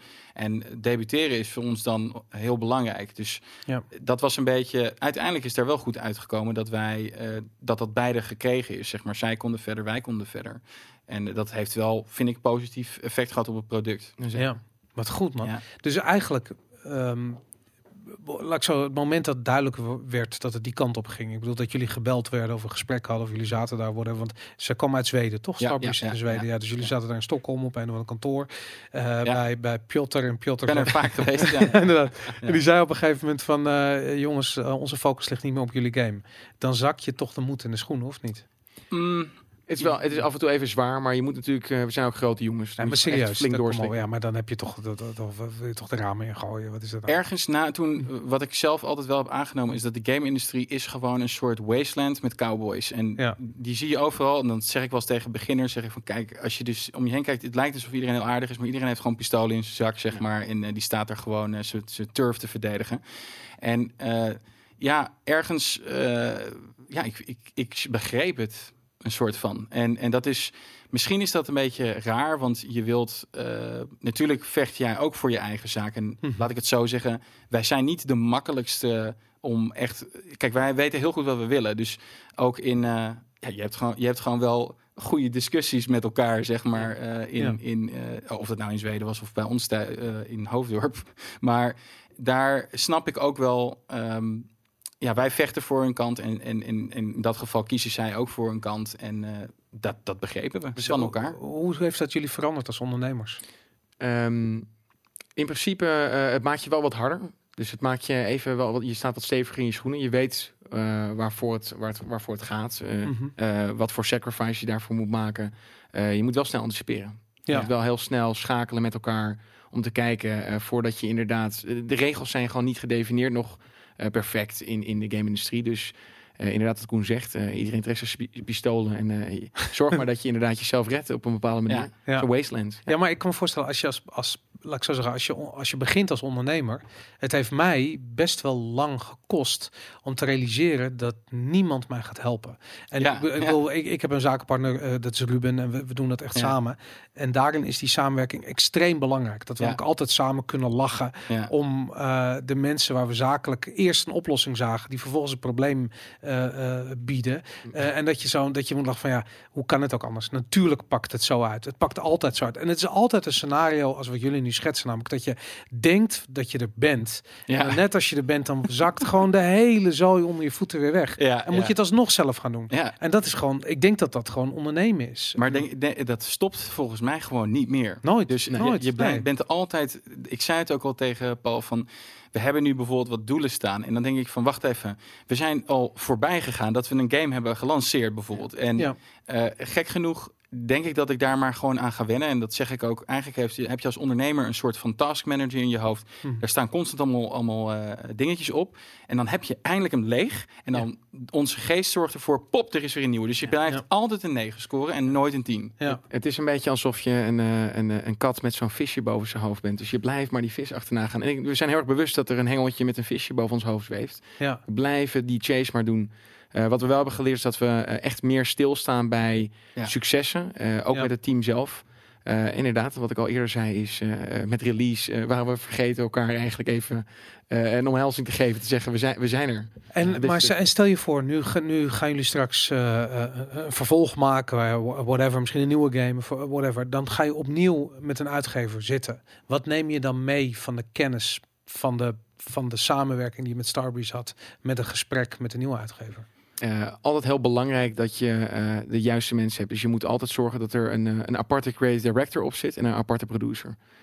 Dat, zijn een van, dat is een heel belangrijk stuk om dat niet door elkaar te laten lopen. Dus dat je meerdere eh, ehm, eh, kapiteinen op het schip hebt. Ja, dat je ook weet naar wie je toe moet gaan. Dus ik denk dat de communicatie daar heel sterker moet zijn. ja.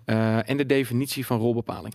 Nou, maar ik vind namelijk het feit dat jullie beide naar tevredenheid, Starbreeze naar ik mag aannemen en jullie eh, uit die deal zijn gestapt. Dat vind ik best wel bijzonder. Ja, Ja. Want zij hadden ook gewoon kunnen zeggen van, eh, weet je wat, we nemen de telefoon even niet meer op. En Veel succes daar in Hoofddorp. Ja. En eh, eh, we zien het wel als hij op Steam staat. En dan, Ja. dan komt het geld via ons. En, eh, dat, eh, dat klopt. oei. Ik vind dat, eh, daarom denk ik dat eh, eh, ik- dit, het kan slechter met je aflopen, zeg Mhm. maar. En eh, dat is. Ehm, dat is ook wel heel erg goed. En dat, dat, ehm, misschien is dat een goed voorbeeld van wat de relatie überhaupt was tussen elkaar.